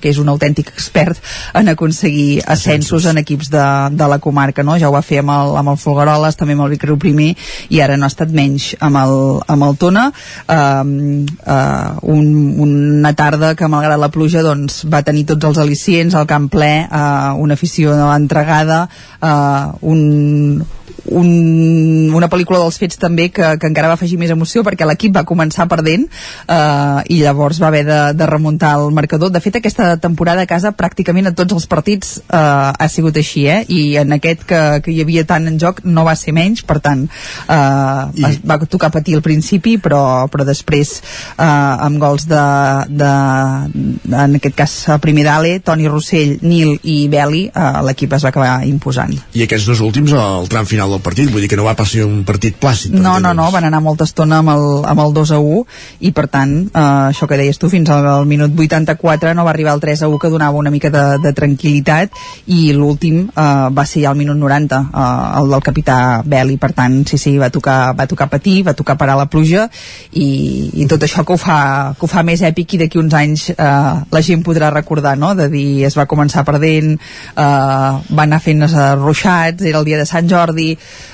uh, tot, tot el que tenen les grans gestes que, que fa que després amb els anys encara tinguin, tinguin més gràcia i ara toca celebrar-ho i d'aquí unes setmanes el que tocarà serà com cosir el projecte esportiu per, per afrontar aquesta nova categoria. Exacte, per veure com, com es fa no? per, per afrontar-la i, i això si si s'han de, de reforçar l'equip, si es poden recuperar jugadors usonencs que, que juguen a categories més altes, eh, s'haurà de veure les properes setmanes com es va detallant aquest, aquest nou projecte.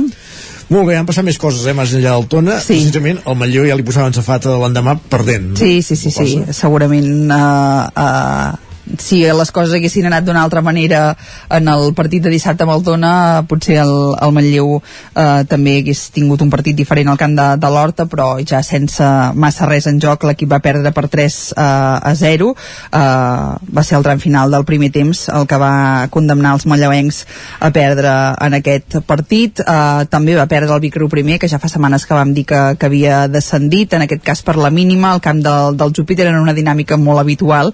Eh, el Riu primer no, no, no perd per grans resultats però sempre li falta el gol per acabar doncs, eh, traient, traient punts i també en aquest final de temporada on ja no té res en joc mentre que el Vic va empatar en l'últim partit d'aquesta temporada a casa, tres gols amb el Camp Vidalet uh -huh. eh, també mm, no hi havia massa, massa res en, en joc en, en aquest partit per tant eh, doncs, eh, un resultat que ara mateix deixa els biguetans setens a la zona mitja de la classificació i la diferència entre el Manlleu i el Tona de cara a l'última jornada eh, ja és molt grossa perquè els tonencs ja en tenen 57 mentre que el Manlleu en té 49 Té alguna opció ni que sigui remota el Manlleu d'acompanyar el Tona? Sí, eh, ja la, la, és una opció molt remota però hi és perquè eh, dependrà dels descensos eh, que hi hagi i per tant exacte, compensats que hi hagi de, de tercera. Hi ha diversos equips implicats. Eh, és complicat però, però sí, en funció de, dels equips que, que baixin catalans eh, de les categories superiors podria arribar-se a donar que, que una d'aquestes places per, per formar o també equips que ho aconsegueixin i renunciïn, que no acabin tenint el pressupost. Es poden donar diverses circumstàncies que podrien acabar fent que aquesta plaça fos per al Manlleu com a eh, segon millor eh, classificat. Però, però bé, eh, és, remot, és, és complicat sí, és complicat. Eh, encara en futbol eh, destacar que el Vic Vic primer femení disputava aquest cap de setmana l'últim partit de la temporada, la primera divisió nacional femenina, i que les biguetanes van rebre un càstig dur en aquest últim partit perquè van perdre per 0-3 a casa contra el Son Sardina, eh, un equip doncs, que, que tenia aspiracions eh, a la part alta de, de la classificació i les usonenques van mereixer més, però dos penals van avançar les menorquines i llavors ja va ser eh, molt complicat de, de remuntar. Eh, això pel que fa al futbol, en hoquei dir que el l'hoquei Lliga Femenina, la masculina no, no jugava aquest cap de setmana, el Martinelli a Manlleu va tornar a guanyar, va superar el Vigues per 4-3 en un partit que va ser obert i igualat, era important fer-ho perquè recordem que venien de perdre amb el Palau i quedar eliminades de la final a 4 de la Copa d'Europa i també de perdre amb el Vilassana eh, en un duel de la part alta de l'hoquei Lliga Femenina, per tant era important recuperar sensacions eh, i victòries de cara a aquest tram final de la competició, on d'aquí 15 dies disputen la Copa de la Reina i després també tindran el final de la Lliga i el play play-off on estan a punt d'aconseguir eh, matemàticament la, la classificació. El Voltregà, en canvi, eh, tenia un doble partit a Galícia i Astúries i va perdre els dos enfrontaments. Eh, més ajustat va ser el de la pista del Liceu, on va caure per 2 a 1 i on mereixia més perquè el partit va ser igualat. En canvi, a la pista de, del Telecable va perdre per 8 a 2, si bé que molta estona va estar aguantant un 4 a 2 i, i, i era dintre el partit, però bé, ara per ara eh, l'equip de, de Gijón és el que està més en forma i, i va acabar imposant-se amb, amb contundència. A l'hoquei Lliga Plata el Taradell va guanyar i va deixar la, la Lliga oberta, es va imposar per 2 a 5 a la, a la pista del, del Barça, uh, ara rebrà el Sant Cugat el proper dissabte uh, en el que serà una de les dues finals que té per aconseguir l'ascens, on només li valdrà guanyar el Taradell si realment vol tornar a l'hoquei Lliga, mentre que un Pativic combatiu però ja sense res en joc va caure a casa contra el Xum per 2 a, a 3. Dic que també aquest cap de setmana en tenis taula el Girbau Vic TT va aconseguir una victòria per 3 a 4 en el duel d'anada pel tercer lloc eh, de la superdivisió femenina a la pista del Priego, per tant per poder pujar al podi final de la lliga d'aquesta temporada, veurem com va divendres la, la tornada eh, a casa a Vic. I eh, un altre dels punts d'interès aquest cap de setmana eh, era eh, la cursa Trail 3 comarques del Pens eh, on es van imposar Elias Resina i Sílvia Roca en la cursa llarga i Ramon Cap de Capdevila i Maria Sau a la cursa express de 12 quilòmetres. Doncs queda tot recollit i dit. Moltíssimes gràcies, Esther. Que vagi bé. Bon dilluns. Continuem al territori 17. Serà el moment ara de posar-nos al dia, d'actualitzar-nos amb les notícies més destacades de les nostres comarques.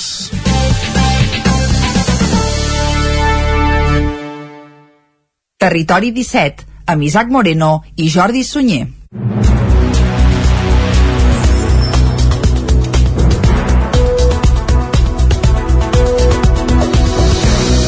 Passen 6 minuts de les 11 i us expliquem aquesta hora que des de dissabte Rodalies ha implantat un nou horari cadenciat a la línia R3. Una de les parades que n'ha sortit més beneficiada és la de Centelles, que guanya freqüències de trens amb l'aturada de convois semidirectes cap a la capital catalana. Dissabte la línia R3 va canviar horaris i freqüències dels convois. A la pràctica, els trens passaran ara de manera regular i en un minutatge concret per les estacions. A Vic, per exemple, en els dies laborables i durant bona part de la jornada, sortiran trens en direcció a Barcelona cada mitja hora i en el mateix minut, a I-24 i a I-54. I pel que fa a l'arribada de trens, el patró es repetirà en els minuts 22 i 52. Amb la nova freqüència de pas de trens anunciada per Rodalies, una de les estacions que experimenta una millora més notable en el servei és la de Centelles. De fet, la reformulació dona resposta a una demanda històrica del municipi, ho explica Josep Paré, que és alcalde de Centelles aquesta facilitat de poder disposar d'aquests semidirectes doncs és un benefici molt directe pel municipi però també doncs, per les persones que viuen a, a l'entorn que se'ls facilita molt el fet de poder optar per un mitjà sostenible. I a més a, arriba en un moment doncs, que hi ha un encariment important del preu de l'energia i dels carburants i que a nivell global doncs, està fent el missatge i donant èmfasi en la importància d'aquest transport sostenible com és el tren i per tant en aquest sentit és, és molt positiu. Fins ara, els dies feiners a Centelles hi tenien parada 19 trens que seguien cap a Barcelona i en direcció nord se n'hi aturaven 21. Ara Centelles disposarà de 29 serveis diaris en cada sentit, aconseguint que en les principals franges de la jornada hi hagi un tren cada mitja hora. Des de Centelles veuen amb bons ulls aquests canvis i l'alcalde, Josep Parea, apunta que demostren la voluntat política de tirar endavant el desdoblament de la via entre Centelles i Vic un cop finalitzin les obres que s'han d'iniciar per desdoblar la via aquest estiu ja al Vallès Oriental. Aquesta voluntat però haurà d'anar de la mà d'una millora de l'entorn de l'estació per crear-hi més aparcament i fomentar també la intermodalitat, un projecte en el qual l'Ajuntament i Adif ja treballen però amb l'horitzó posat en el moment del desdoblament entre Vic i Centelles. De la capital d'Osona cap al nord, els nous horaris no provoquen un augment de pas de convois, tot i que sí que es manté l'estructura cadenciada. Els municipis del Coll de Cabra, que van posar en marxa el dispositiu de control de vehicles per Setmana Santa, volen donar continuïtat al desplegament en altres moments de l'any. Tabertet, l'Esquirol i Rupit creuen que el sistema funciona i que ara cal trobar el finançament per poder-lo desplegar en dates com els caps de setmana en què hi ha tres dies i ponts, o fins i tot també per Nadal. Ho explica Àlex Muntanyà, que és l'alcalde de l'Esquirol. Per Setmana Santa és, és un èxit, aquest desplegament, i el volem traslladar també a d'altres caps eh, de setmana importants o, o ponts que vinguin, o fins i tot a l'octubre, o fins i tot durant la, el Nadal, que és quan hi ha molta afluència de visitants. L'alcalde de Rupit, Albert Mercè, també valora molt positivament el funcionament de l'operatiu que es va fer per Setmana Santa i també té clar que hauria de tenir continuïtat. L'escoltem. Uh, veiem que ve molta gent, ens visita molta gent, però informant a la gent en tot moment, veiem que la gent s'ordena pel territori i no veiem aquelles grans aglomeracions, aquells cotxes a mal aparcats a tot arreu, i veiem que sí, que tenim molta gent, que la gent gaudeix de l'entorn i el visitant gaudeix i el que en viu eh, està tranquil a casa seu. El sistema de control de visitants constava d'accions en quatre punts del territori, a la C-153 a l'entrada de l'Esquirol, als quatre camins, també a Sant Julià de Cabrera i a l'entrada de Cantoni Gros. Una xarxa d'informadors ambientals eren els encarregats d'explicar als visitants la capacitat dels aparcaments disponibles, les alternatives si volien visitar zones ja massificades i també altres informacions amb la intenció de conciliar els seus interessos amb els dels habitants del territori. En total, durant la Setmana Santa es van registrar un volum de 13.000 vehicles a la zona amb una mitjana de 2.500 cotxes cada dia que entraven al Coll de Cabra. Això va derivar, per exemple, en prop de 1.400 visitants a la foradada de Cantoni Gros o uns 800 al Morro de la Vella de Rupit, aprofitant els dies de festa. Gràcies, Jordi. I enfilem cap al nord, del Coll de Cabra anem cap al Ripollès, perquè Ribes de Freser vol ubicar un espai informatiu pels joves al Casal de Cultura. La veu de Sant Joan, Isaac Muntades. L'Ajuntament de Ribes de Freser està treballant per ubicar un espai informatiu pels joves al Casal de Cultura de dilluns a divendres, segons va revelar l'alcaldessa ribetana de Junts, Mònica Sant Jaume. Tot plegat va venir arran d'una pregunta al porteu de la CUP, Àlex Medrano, que va apuntar que la confecció del Pla Local de Joventut no comptava amb massa participació dels joves. Jo personalment vaig participar en un d'ells i va haver-hi molt poca participació. Aleshores, aprofitant el ple, doncs també m'agradaria doncs, que hi hagués més participació, per tant, intentar fer-ne més difusió per part de l'Ajuntament i el que puc fer des d'aquí també és animar la gent que es tinguin els rangs corresponents d'edat per poder-hi participar, perquè sempre ens queixem des de la visió de la joventut, eh, sempre ens queixem que l'Ajuntament no fa res per nosaltres, però quan s'està fent un pla on realment necessitem la informació eh, en primera mà dels joves, no hi ha participació. Aleshores, les dues parts, no? la part de l'Ajuntament sí que potser n'hauríem de fer més difusió i la part de la gent que intenti participar-hi més perquè realment són plans que val la pena. La regidora de Joventut, Berta Juste, va contestar-li que tant l'Ajuntament com el Servei de Joventut del Consell Comarcal han detectat aquesta baixa participació i per això volien fer-hi canvis. Com deia Sant Jaume, el primer consistiria a ubicar aquest espai de referència al casal de cultura que encara s'ha de definir. I vostè apuntava que segurament als joves els hi costa més venir a l'Ajuntament i allà els hi seria més fàcil. La regidora també va assegurar que la visió dels joves sobre com havia de ser aquest local no era del tot clara. I l'espai no era que no s'hagués trobat, sinó que el que reclamaven els joves quan es va fer la primera trobada era un local. Un local i els hem, vam demanar com el voldríeu plantejar. Un local per estar sols, una, un local que es dinamitzi. Llavors, al principi semblava que per la poca participació que hi va haver era un local que no hi volien que hi hagués una persona responsable, sinó un local per ells poder-se reunir. L'entrada lliure, el, algú també ho hauria de controlar i també algú ho hauria de dinamitzar, pues que es poguessin fer activitats que els interessessin. Llavors va quedar com aquí, vam demanar opinió, aviam què, i va quedar aquí. L'alcaldessa també va reconèixer que finançar un tècnic de joventut íntegrament per a era una despesa important que no es podia fer si no hi havia clar quines activitats es durien a terme. Tots fem Ribes, Esquerra Republicana de Catalunya, aplaudia la iniciativa si finalment tirava endavant. El seu portaveu, Joaquim Roquer, va aprofitar per demanar que s'obrís la biblioteca els caps de setmana, sobretot en època d'exàmens, perquè els joves puguin estudiar-hi, ja que va dir que n'hi ha molts amb estudis universitaris que prefereixen quedar-se a Barcelona perquè a Ribes no tenen aquest servei. Al ple, el consistori va aprovar per unanimitat un conveni entre el Consell Comarcal i l'Ajuntament per cofinançar els serveis de joventuts per l'any 2022 com el Pla Local de Joventut, les tardes joves i les activitats d'estiu. Gràcies, Isaac. Passen 13 minuts de les 11, anem fins al Vallès Oriental, perquè Caldes de Montbui ha acollit la cinquena trobada de bèsties. La colla cultural del Vall de Diables va dinamitzar la tarda de dissabte amb el lluïment amb les bèsties de foc de tres colles convidades, música i correfoc final. Caral Campàs, zona codinenca. La Diada de Sant Jordi a Caldes de Montbui va recuperar l'esplendor de totes les colles culturals de la vila termal. Diables, castellers, bastoners i geganters van tornar als carrers amb paradetes i mostres de cultura popular amb les termes romanes d'escenari.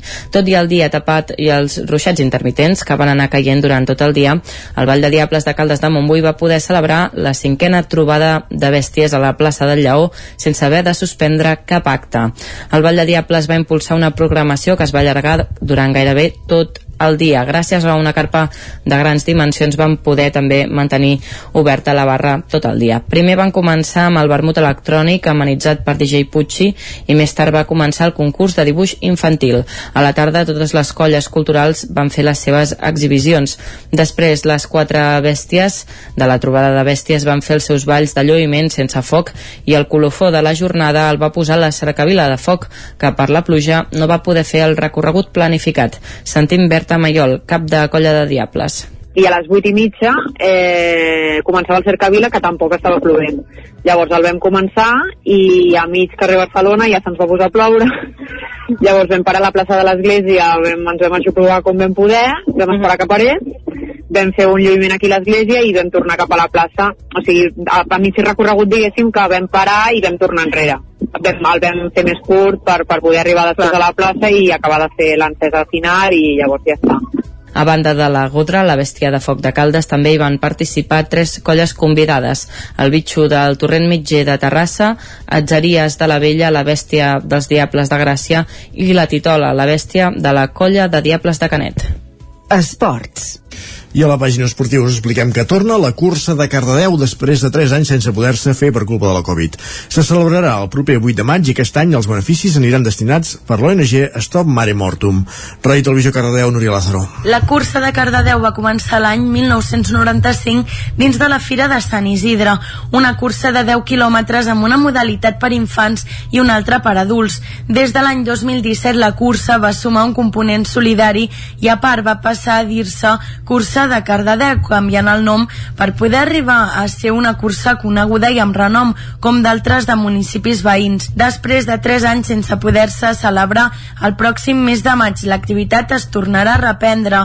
Ahir diumenge es va fer la presentació a la sala de les columnes de l'Ajuntament de Cardedeu.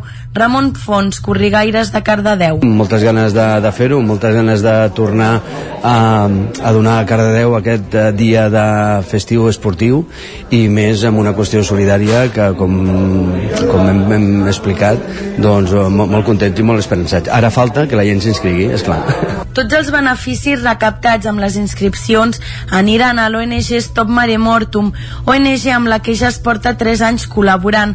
Aquesta serà la quarta edició de la cursa en què hi siguin presents. L'ONG té com a objectiu principal fomentar un canvi en les polítiques europees migratòries i d'estrangeria. I ara que passa un minut i mig d'un quart de dotze, anem als solidaris. Després d'aquest repàs informatiu que hem fet en companyia de Jordi Sunyer, Núria Lázaro, Caral Campàs i Isaac Muntades, moment de parlar de solidaritat des de Ràdio Vic i en companyia de l'Adrià Oliveres.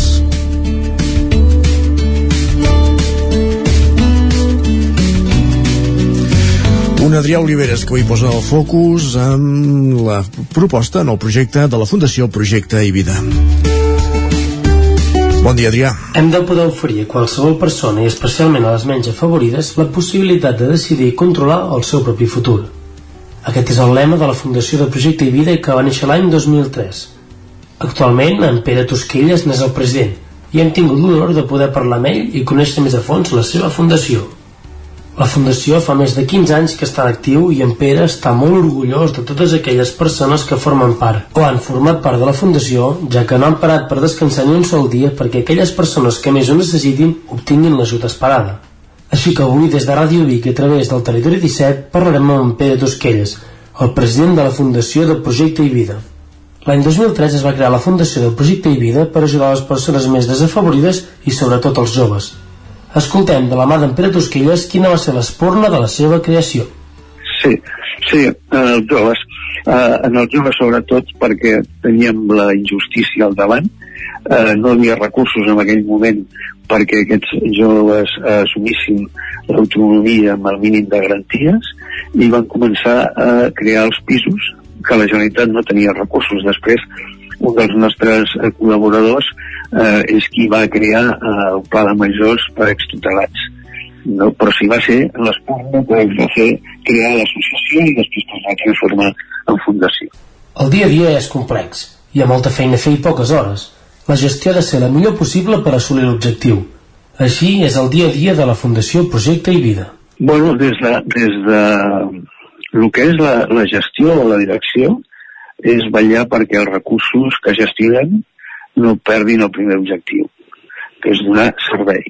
Donar servei als joves que tenem, eh, fer que siguin útils, rigorosos, o sigui, transmetre, o sigui, transmetre els valors necessaris perquè puguin crear, crear el seu projecte de vida. Eh, és, o sigui, el, el tema és que puguem transmetre entre tots els valors necessaris perquè siguin útils a la societat i sobretot amb ells mateixos. No? Que siguin justos, honestos, lleials, valents, eh, respectuosos, pacients, solidaris, altruistes, tolerants, alegres, bueno, una infinitat de, de, de valors que hem de transmetre. Un projecte molt important que realitzen està vinculat amb Obra Social La Caixa i amb la Fundació del Futbol Club Barcelona.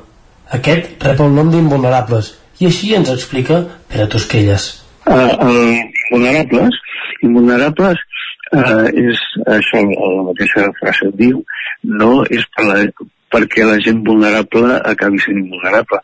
Uh, perquè, o sigui, per exemple, fem uh, reforços escolars, eh, oferint a través de tot de Caixa per Infància eh, o sigui, a la gent que no té medis per tindre per exemple, unes ulleres, per, tindre, per poder anar al dentista, per poder fer activitats extraescolars, eh, o sigui que hi hagi una igualtat amb els que s'hi poden i els que teòricament no haguessin pogut.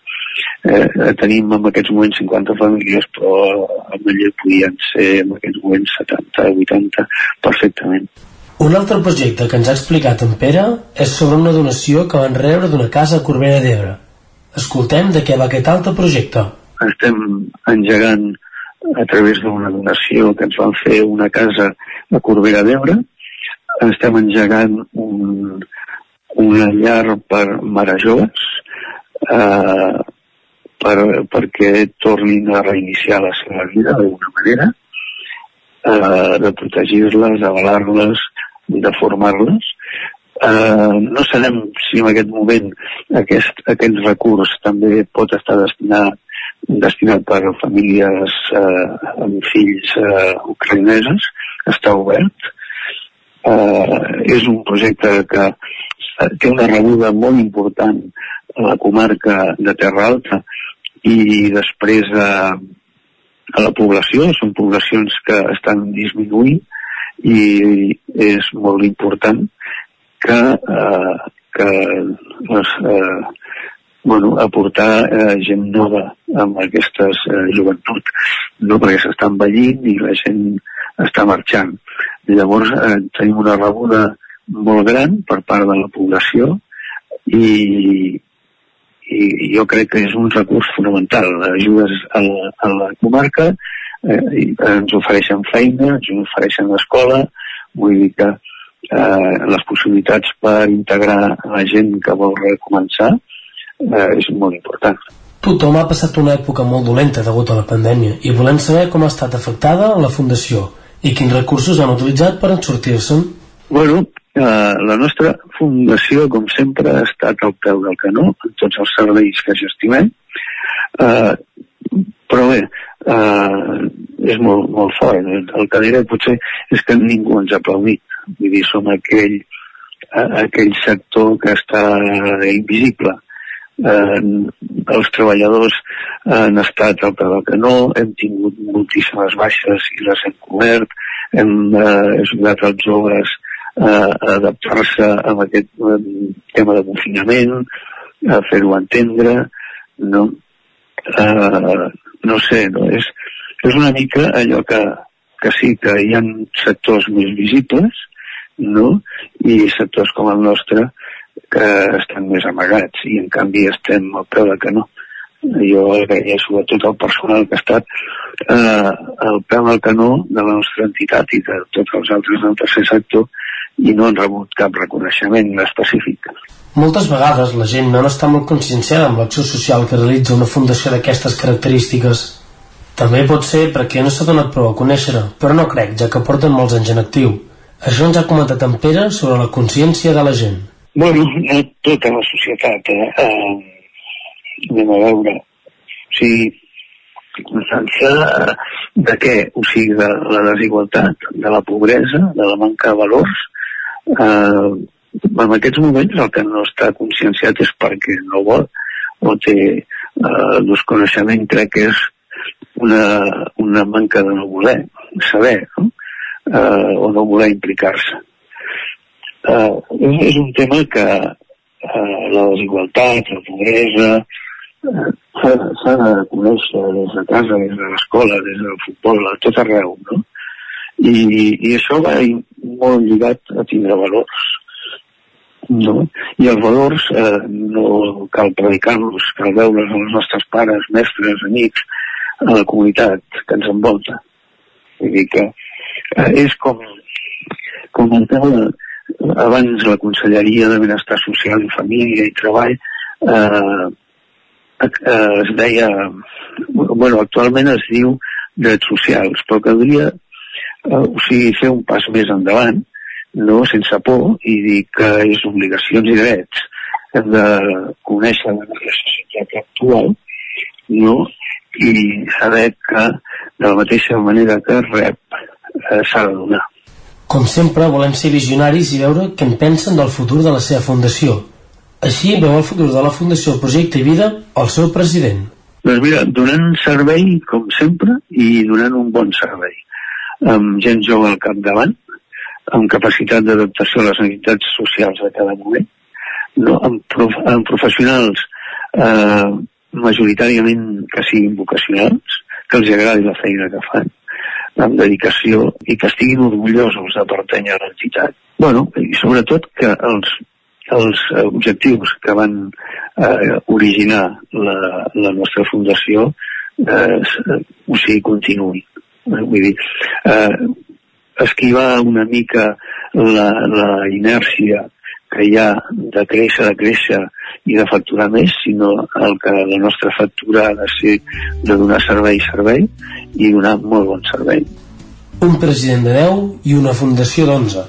Ara ja en coneixeu una mica més del perquè de la seva creació i de moltes coses que realitzen, ja sigui del dia a dia o els projectes que tenen en marxa. Una persona, un projecte de vida. És un altre lema que fa servir la Fundació. No em cansaré de dir que importants que són aquestes fundacions que sorgeixen pel bé d'ajudar i fer la vida millor i més fàcil a la gent que més ho necessita. Així doncs, una setmana més ens emportem una lliçó de vida i un aprenentatge de cara al que pugui venir.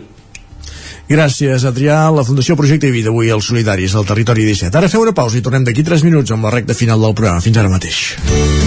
Territori 17. Envia'ns les teves notes de veu per WhatsApp al 646 079 023. 646 079 023. WhatsApp Territori 17.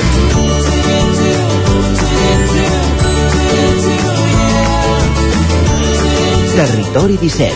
Som a Facebook, Twitter i Instagram amb l'usuari Territori 17. El nou FM, la ràdio de casa, al 92.8. A la Clínica Dental Sant Fortià hi trobareu un equip professional que treballa de manera coordinada per oferir un tracte sensible i humà. Estem preparats per qualsevol urgència dental i oferim accions preventives per la tercera edat i els infants. El doctor Ramon Garcia, implantòleg de Barcelona, fa 10 anys que visita Torelló. Clínica Dental Sant Fortià. Ens trobareu a la plaça Sant Fortià número 9 de Torelló al 93 859 6408 i al 690 92 51 99. A El Racó de León ja és primavera. Gaudeix de la nostra terrassa, vine a tastar les xuletilles de l'Echal a la brasa amb una bona amanida o el xuletón de vedella gallega. No et pots perdre el nostre lechado de Castilla al forn o el cochinillo a l'estil de Segovia, tot acompanyat del millor celler, al menjador o fora la terrassa. Descobreix la millor cuina de Lleó sense moure't de casa. Vine amb la família, els amics, la parella o sol. T'encantarà. El Racó de León, cuina tradicional lleonesa i de mercat. Som al carrer Torelló número 35 de Vic. Per reserves, telèfon 93 889 1950. El Racó de León, una cuina diferent. Arriba la primavera i tornen les samarretes. A Gràfic Cert tenim una extensa varietat de samarretes per vestir el teu personal, promocionar la teva empresa, club esportiu, associació... Si estàs organitzant un esdeveniment esportiu o una festa cultural, una samarreta és una bona opció per lluir la teva marca. Ja ho saps, si el que necessites per la teva promoció és una samarreta, Gràfic Cert és el teu proveïdor. I ara també tenim a la teva disposició samarretes 100% reciclades tant de cotó com de polièster. No esperis més i truca'ns al 93 886 12 15 o visita'ns a graficcert.com. Cobertes serveis funeraris. Els nostres tanatoris estan ubicats en els nuclis urbans més poblats de la comarca d'Osona per oferir un millor servei. Tanatori de Vic, Tanatori de Manlleu, Tanatori de Centelles i Tanatori de Roda de Ter. Sabem que són moments difícils i per això el nostre compromís és atendre-us en tot moment amb un tracte humà, sensible i respectuós. Cobertes serveis funeraris. Telèfon 24 hores 93 883 23 46. Cocodril Club. Si t'agrada la bona música dels anys 60, 70 i 80, escolta el 9 FM als matins de dissabtes i diumenges d'11 a 1. És el temps del Cocodril Club, tot un clàssic de la ràdio, amb les bases del pop-rock, les llegendes, les cançons que s'han convertit en autèntics himnes. Recorda, dissabtes i diumenges al matí, d'11 a 1, al 9 FM 92.8. Cocodril Club, el programa revival de l'Albert Malla. Hasta luego, cocodrilo. El 9 FM. Territori 17. A Tren d'Alba. Cada dia els usuaris de la línia R3 de Rodalies que veuen sortir el sol des d'un vagó ens expliquen les gràcies i les penes del primer comboi que uneix Ripoll i Barcelona. Benvinguts a Tren d'Alba. Doncs els pròxims dies us faré una valoració de quina és l'opinió que té el col·lectiu perquè no ens fotin el tren sobre els nous horaris de la línia R3 de Rodalies. En general en fan una valoració positiva perquè s'amplien i es recuperen freqüències i aquestes són més homogènies i per tant comporten una major simplicitat a l'hora de llegir l'horari. Un dels trams més ben afectats per bé és entre l'Hospitalet de Llobregat i Vic. Aquests nous horaris hem de dir que responen en part a les obres de millora de la xarxa al tram Barcelona-Martorell, que han de reformular intensament el servei de les línies R4, R8 i R1. Es tracta d'una alteració que repercuteix a totes les línies que comparteixen circulació pel túnel de plaça Catalunya de Barcelona, com és el cas de l'R3, però la racionalització dels horaris ha estat una de les lluites permanents del grup. Avui també parlarem dels nous horaris a la crònica, però no ens ho farà en Jordi Valls, sinó la Míriam de Centelles, de qui tenim el permís per emetre un àudio explicant-li com ha anat el trajecte en tren. Això hem sortit a les 6 i 9, més o menys, hem arribat. Jo diria que eren més de 16, però bueno, més o menys. Era un tren d'aquells llargs que no tenen... Bueno, llargs, no. D'aquells que no tenen vagons separats, és que vull dir? D'aquells que pots anar d'una punta a l'altra del tren sense obrir portetes pel mig. I a parets encara han pogut seure, però ja ha quedat ple. Ja està, era el primer dia d'horari nou laborable i a Centelles ara és allò que com que fan creuament a Centelles havíem d'esperar aviam per quina via passava, però bueno, han informat amb temps, cosa estranya, però bueno, no sé, ara com que sempre que agafava el tren era agafava el primer i no m'havia d'estar mai pendent de quina via passava, avui això, un despistat que estava amb els cascos posats i la música posada a última hora ha hagut de córrer perquè no estava acostumat a fer això del canvi de via i estava ben despistat, tot i que tots ja estàvem a l'altra banda, ell com que estava amb els cascos mirant les musaranyes, no s'ha enterat i res, ja està jo crec que no hi ha hagut res més vale? va, cuida't molt i ens veiem, vale? Va, un petonet Adeu. Per cert, el dia de Sant Jordi vaig pensar en tu, eh? Ara et passaré una captura que vam anar a la Bacus amb la Bruna i vaig veure un llibre, que va ser que hi havia tanta gent que vam fotre el camp. Però vaig veure un llibre per friquis de trens, eh? Que eh, vaig pensar, aquest a en Jordi segur que li agradaria, si no el té ja. Ara, a veure si ho busco i et passo la foto del llibre que vaig veure. Vinga, ara sí. Cuida't molt. Adeu. Trobo molt interessant això d'aquest llibre pels friquis dels trens. A la pròxima crònica vull saber com es diu aquesta obra mestra, que segur que en Jordi Valls ja té. Per cert, pobre noi dels auriculars, però és el que té a dir-se totalment de la realitat. A la mínima distracció es pot perdre el tren sense problemes. Va, fins la pròxima crònica. Adeu. Territori, Territori 17. 17. Territori 17.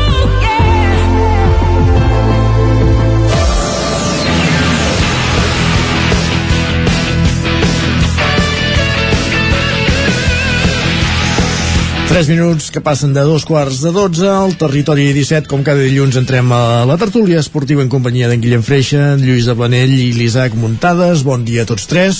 Bon dia. Bon dia. No sé si dir tertúlia esportiva o passar pàgina, ja tot plegat, perquè... Vam parlar del Tona. Per exemple. No, no, perquè sí, home. ara ja s'ha jugat aquell famós pa- partit pendent que tenia el Barça, que havia de retallar tants punts i, i, i ser tan, tan important per, en fi, per tantes coses. Barça 0, Bueno, ha Rayo. Vallecano 1. Han retallat 0 punts, està bé. Per cert, el mateix rival que pel mateix resultat va guanyar dijous l'Espanyol. O el dimecres, no sé quin dia la setmana passada van jugar, eh? I, I van fer el mateix, eh? I, i l'any passat amb el Girona van fer també el mateix que és perdre temps, no? Sí, exacte. Ah. No, no, Però van afegir 11 minuts, eh? Sí, Perdó, 12. 11 minuts i quan se'n van perdre d'aquest afegit? 13, 13, van afegir 13. doncs 13. Exacte, 13. És que què, què us queixeu ja, per l'amor de Déu? Bueno, cu- o sigui, estem d'acord en una cosa, gent del Barça i de l'Espanyol. Això és, és, és, és històric, quasi bé. Clar, és una vergonya.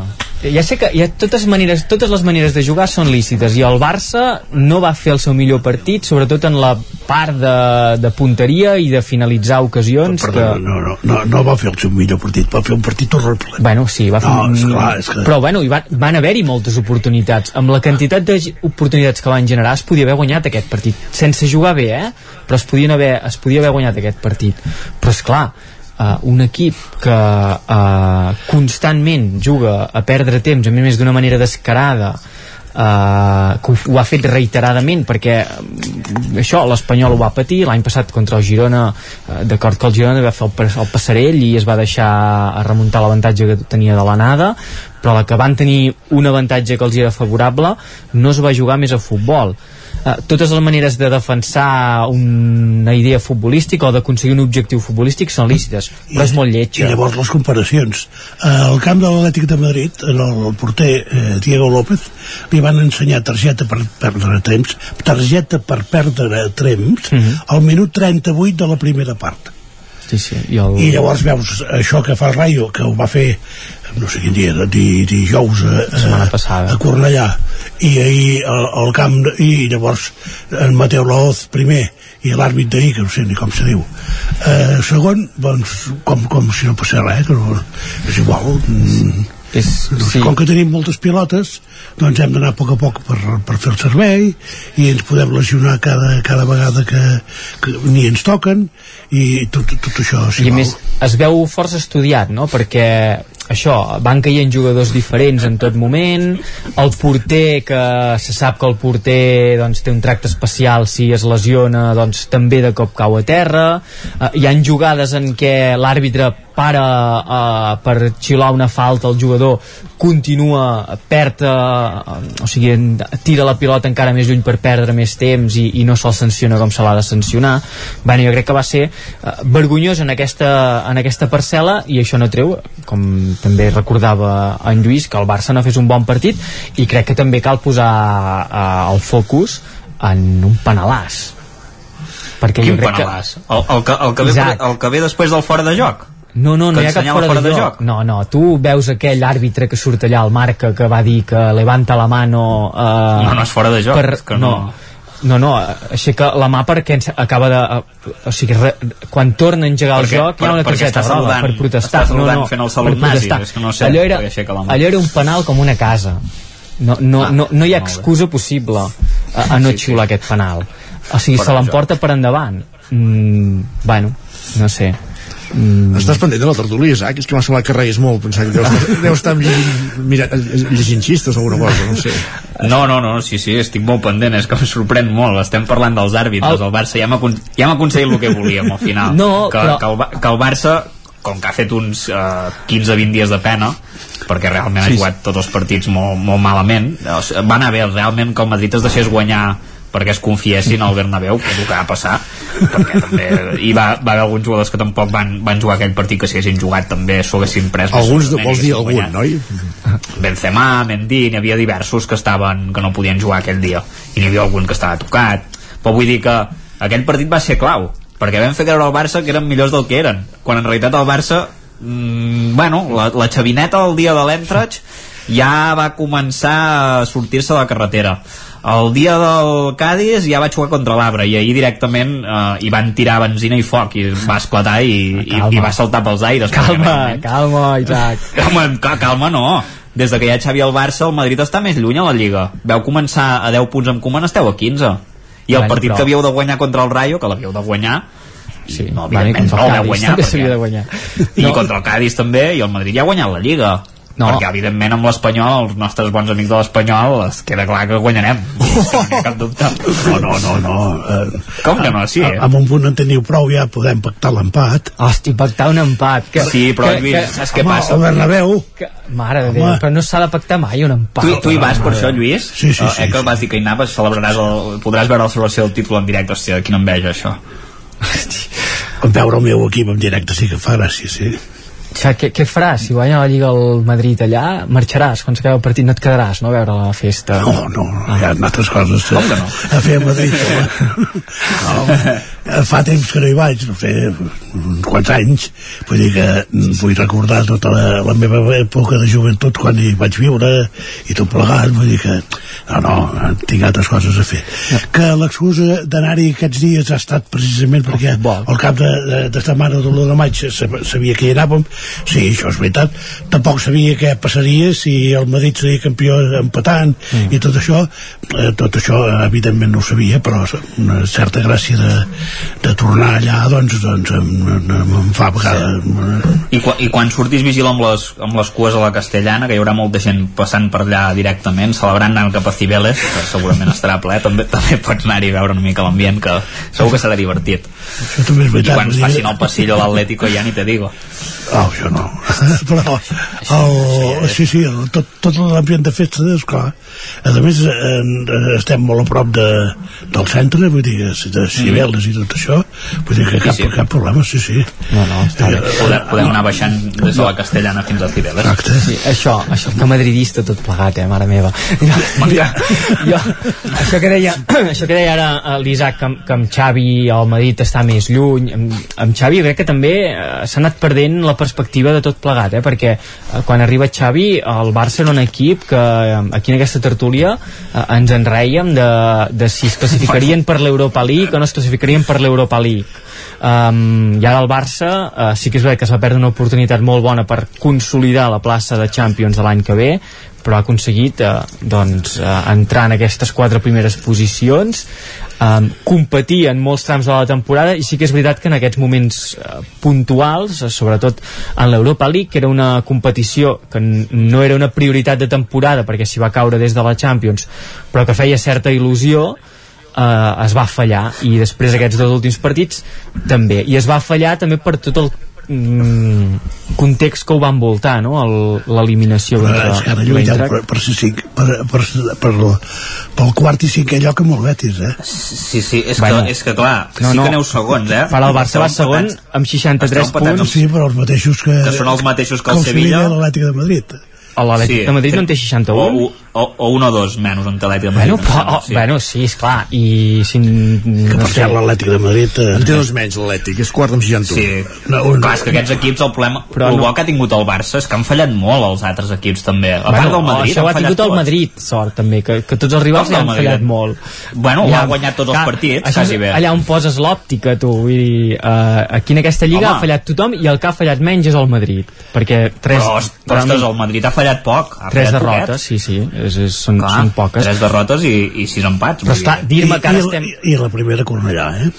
Veus? I la primera Cornellà, exacte. O sigui, i la, Per també això pots- que ara ja ens, en- ens heu de tornar al favor. El, Se el Sevilla en té 4 de derrotes només també, eh?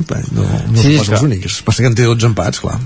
No, però el Madrid en té 3, eh? Sevilla 4, Madrid Sí, 3. sí, sí. sí, sí, sí. Home, però que em digueu que el Barça ja està ara lluitant per al cinquè i el sisè lloc, com, com heu dit. Oh, No està lluitant pel quart lloc.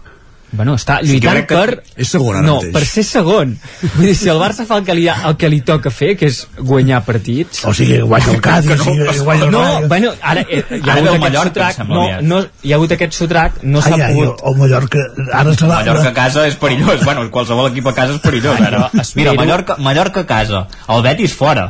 O sigui, partit eh, difícil El Betis ja ha fet El la- Celta, El Betis el crec Celta que ha a fet la temporada, Oh, pràcticament. però si, si es Bueno, bueno, bueno, classificar ja per la. Champions, Sí, però no, no ha fet la temporada, fora. eh? Però no crec I Villarreal a casa. Home, té un calendari bonic-bonic, eh, el Barça. Home, si, si feu els gols que heu fet contra el Cádiz i contra Sí, el sí, Rayo, és que- eh, amb el Mallorca ho teniu pelat.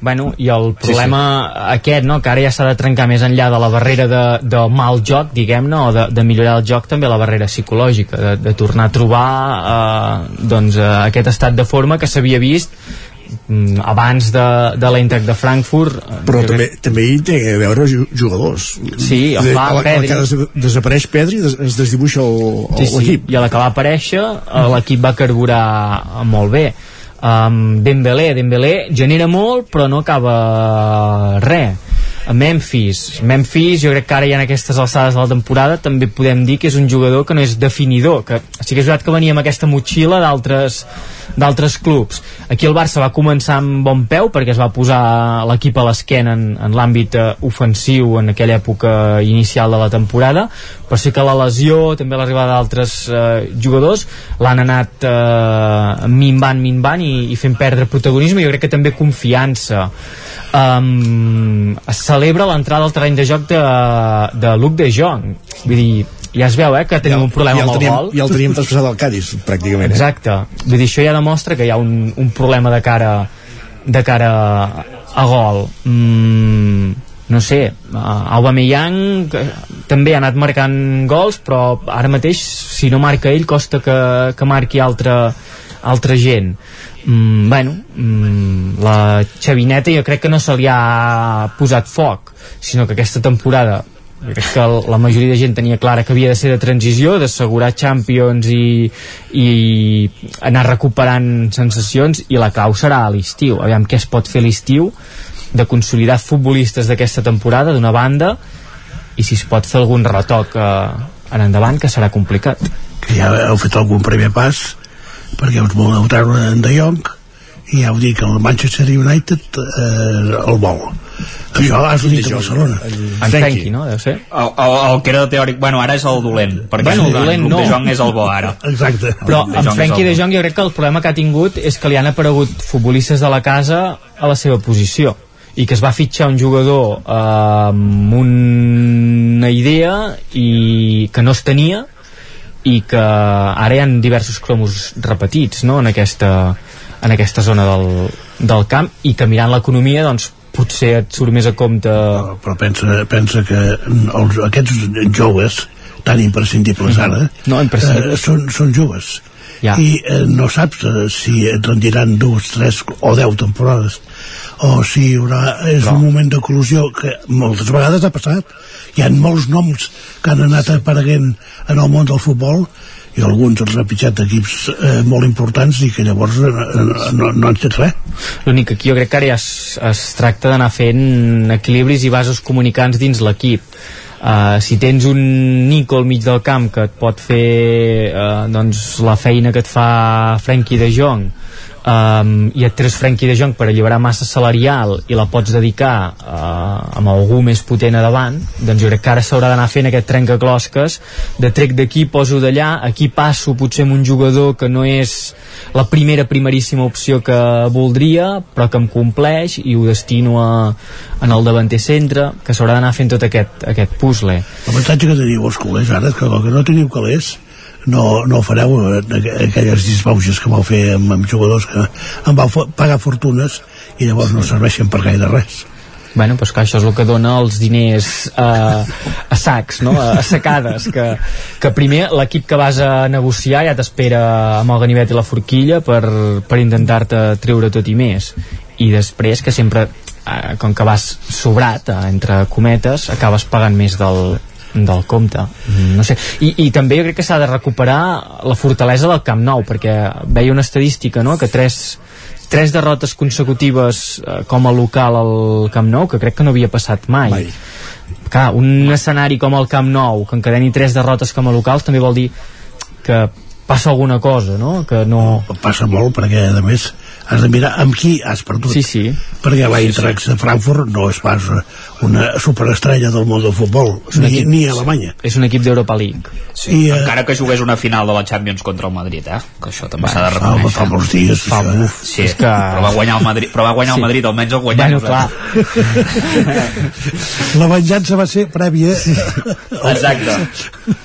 no, però vull dir que, i l'altre contra el Cádiz un equip que ha estat més a segona que, que no pas a primera i l'altre contra el Rayo un equip que ha estat més a segona que no pas a primera I, i fins i tot, no sé, eh, uh, és una visió molt romàntica, eh, però la, la por escènica del Camp Nou també s'ha anat com perdent, no?, d'un escenari Home, molt gros... si t'hi entren 30.000 alemanys... No, no, bueno, aquesta va ser flagrant, eh? Però que Sí. els resultats de l'equip també han fet que la gent segurament no vagi tant Sí. al camp.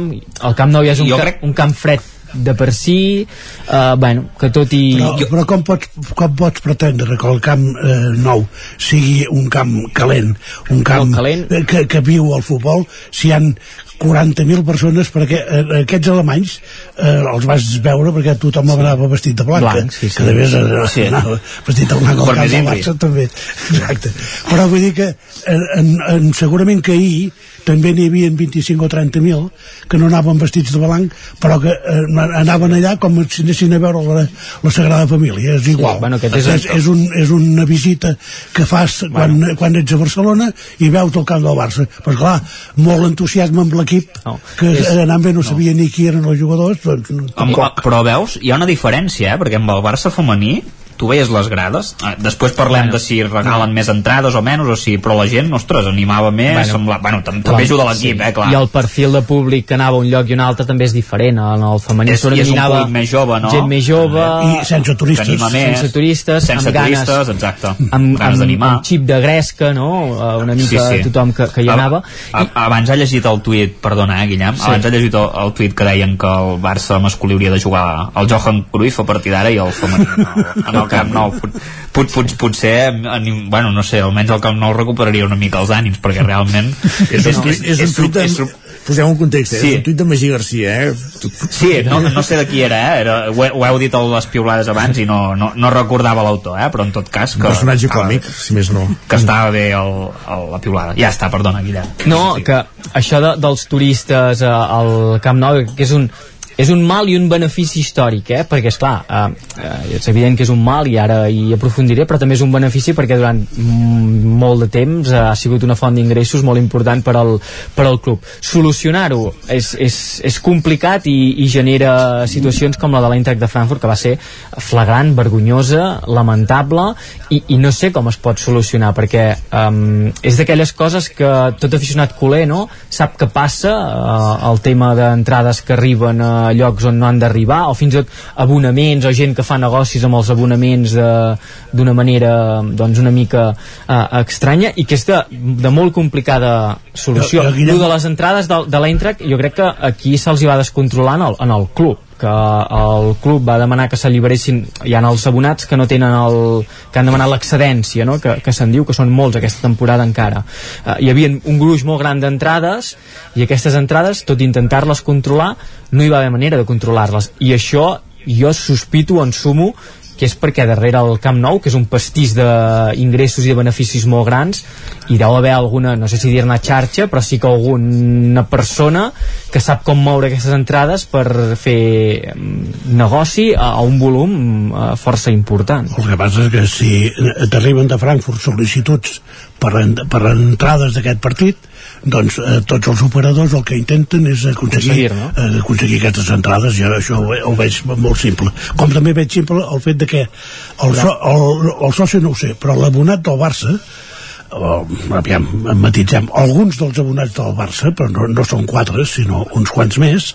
ho són eh, simplement per negoci Sí, perquè, com un, un, perquè, actiu, un actiu. Exactament, em paguen, em paguen eh, 800 i eh, al final de temporada en cobren 1.000, doncs mira, 400 eh, eh cap al calaix, ja està. Vull dir que, sí, sí. Eh, això és així de fàcil.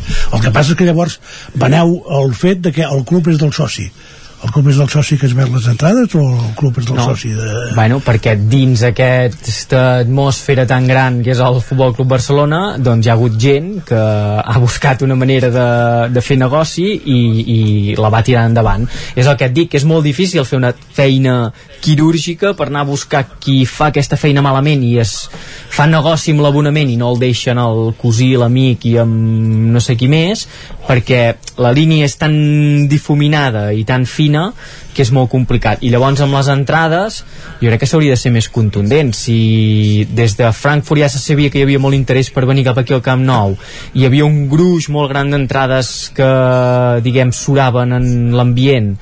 I jo crec que el club eh, sap que hi ha turoperadors que tenen la capacitat d'aconseguir entrades i portar-les allà on els interessa que s'hauria d'haver fet una feina prèvia més, més important que no, Guillem, que no tu no penses que vam dir oi, també dos i dos són quatre i eh, quatre vuit i 4, 3 milions de- d'euros que fem per, per la venda d'entrades. Guanyarem el partit igual perquè som, som superiors al, a l'Eintracht i llavors tindrem els calés i la classificació. Doncs jo si van fer aquesta Exacte. lectura mm, eh, que és una lectura, lectura bueno, possible. la, jo et compro la primera lectura de, de tenim tantes entrades, les hem vengut quasi totes hosti quin negoci més rodó? Però és frívola perquè també has de tenir en compte tota la seguretat i avisar l'administració que, sí. que t'arribarà aquesta marabunta a la ciutat.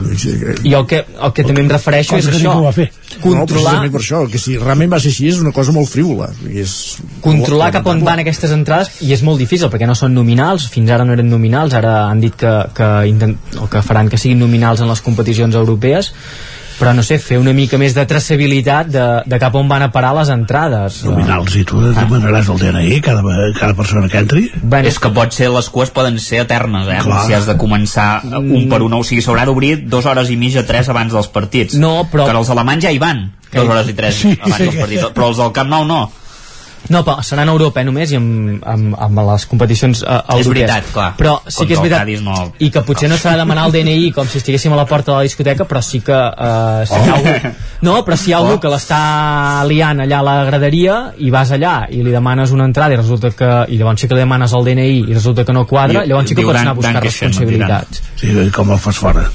Bueno, doncs aquí llavors ha de sortir el, la seguretat del la del seguretat, camp. eh, que va desaparèixer, no? Bueno, no va desaparèixer. Està Home, una mica sí, eh, que ho deia la gent, eh, que, li que la senyora aquella de la tintoreria... No, sobre. espero, espero que li hagin ja eh, Clar, que és pagat la, gros. la tintoreria. És que realment perquè era l'afició de l'Eintracht de Frankfurt que era una afició, eh, entenem-ho, eh? Segur que qui la va patir, però una afició simpàtica, però és que t'arriba...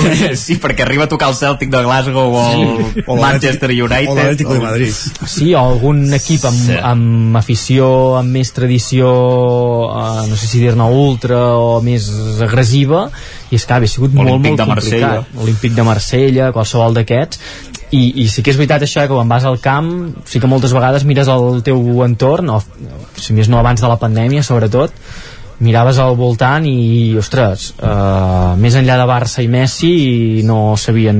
És que passeu l'època per Messi molt dura. Bueno, però això ja es veia. És clar, és que el millor, Són jugador, anys, de, això, el de millor jugador de tots els temps no és fàcil de substituir. Ja, ja, ja. Mm, Cristiano sí, però, Ronaldo... eh, eh, però, però que ha de continuar fent 20 gols per temporada, el millor jugador de tots els temps. Bueno. Cristiano Ronaldo, eh, vull dir, ja ho has dit, eh? Sí, bueno, amb un United que... Perquè Messi aquest any... No. Sí, bueno, però oita. Qui ha aguantat el United aquest any? Perquè el Sí, sí. Messi està clar que el PSG no l'ha aguantat, eh? No, no, és que Messi ja l'hem, aquest debat ja l'hem tingut molts cops que, que, que, va ser una, jo crec que va ser una errada de Messi a prendre aquesta Sí. sí. elecció i que va, la va prendre amb la, amb la cartera Errada Sí. de Messi per què?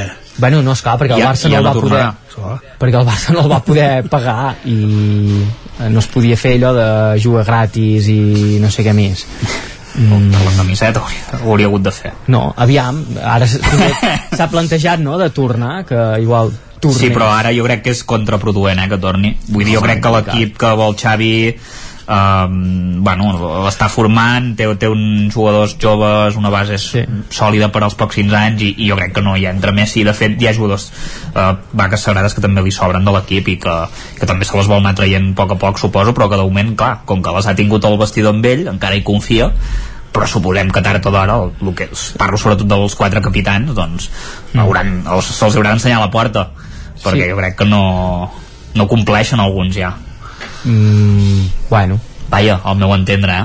que aquí no compleix El Piqué, per, Piqué, per exemple, Piqué? uh, ja comença a tenir problemes físics Sí, i, sí. quan, Però quan i, juga- i està més pendent de fora del camp. Sí, bueno, quan juga, però ah. ja no és tant com abans, eh? Sí, sí, però- Sergi Roberto no en parlem. Jordi No, Alba es trenca cada dos partits i mig.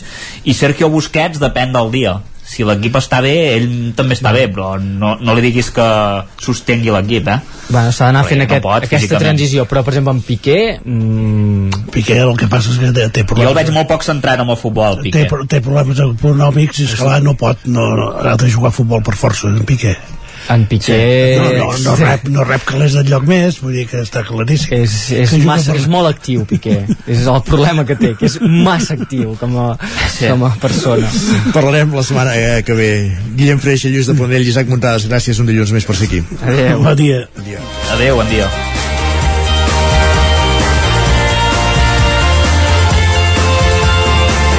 I amb la tertúlia futbolística acabem també el territori 17, avui dilluns 25 d'abril de 2022. Us hem acompanyat des de les 9 del matí Pepa Costa, Jordi Vilarrudà, Caral Campàs, Òscar Muñoz, Núria Lázaro, Esther Rovira, Adrià Oliveres, Lluís de Planell, Guillem Freixa, Isaac Montada, Jordi Sunyer i Isaac Moreno. I tornem demà a la mateixa hora, a partir de les 9. Bon dilluns a tothom i gràcies per ser-hi. Adéu-siau. Territori 17 un magazín del nou FM. La veu de Sant Joan, Ona Codinenca i Ràdio Cardedeu amb el suport de la xarxa. El nou FM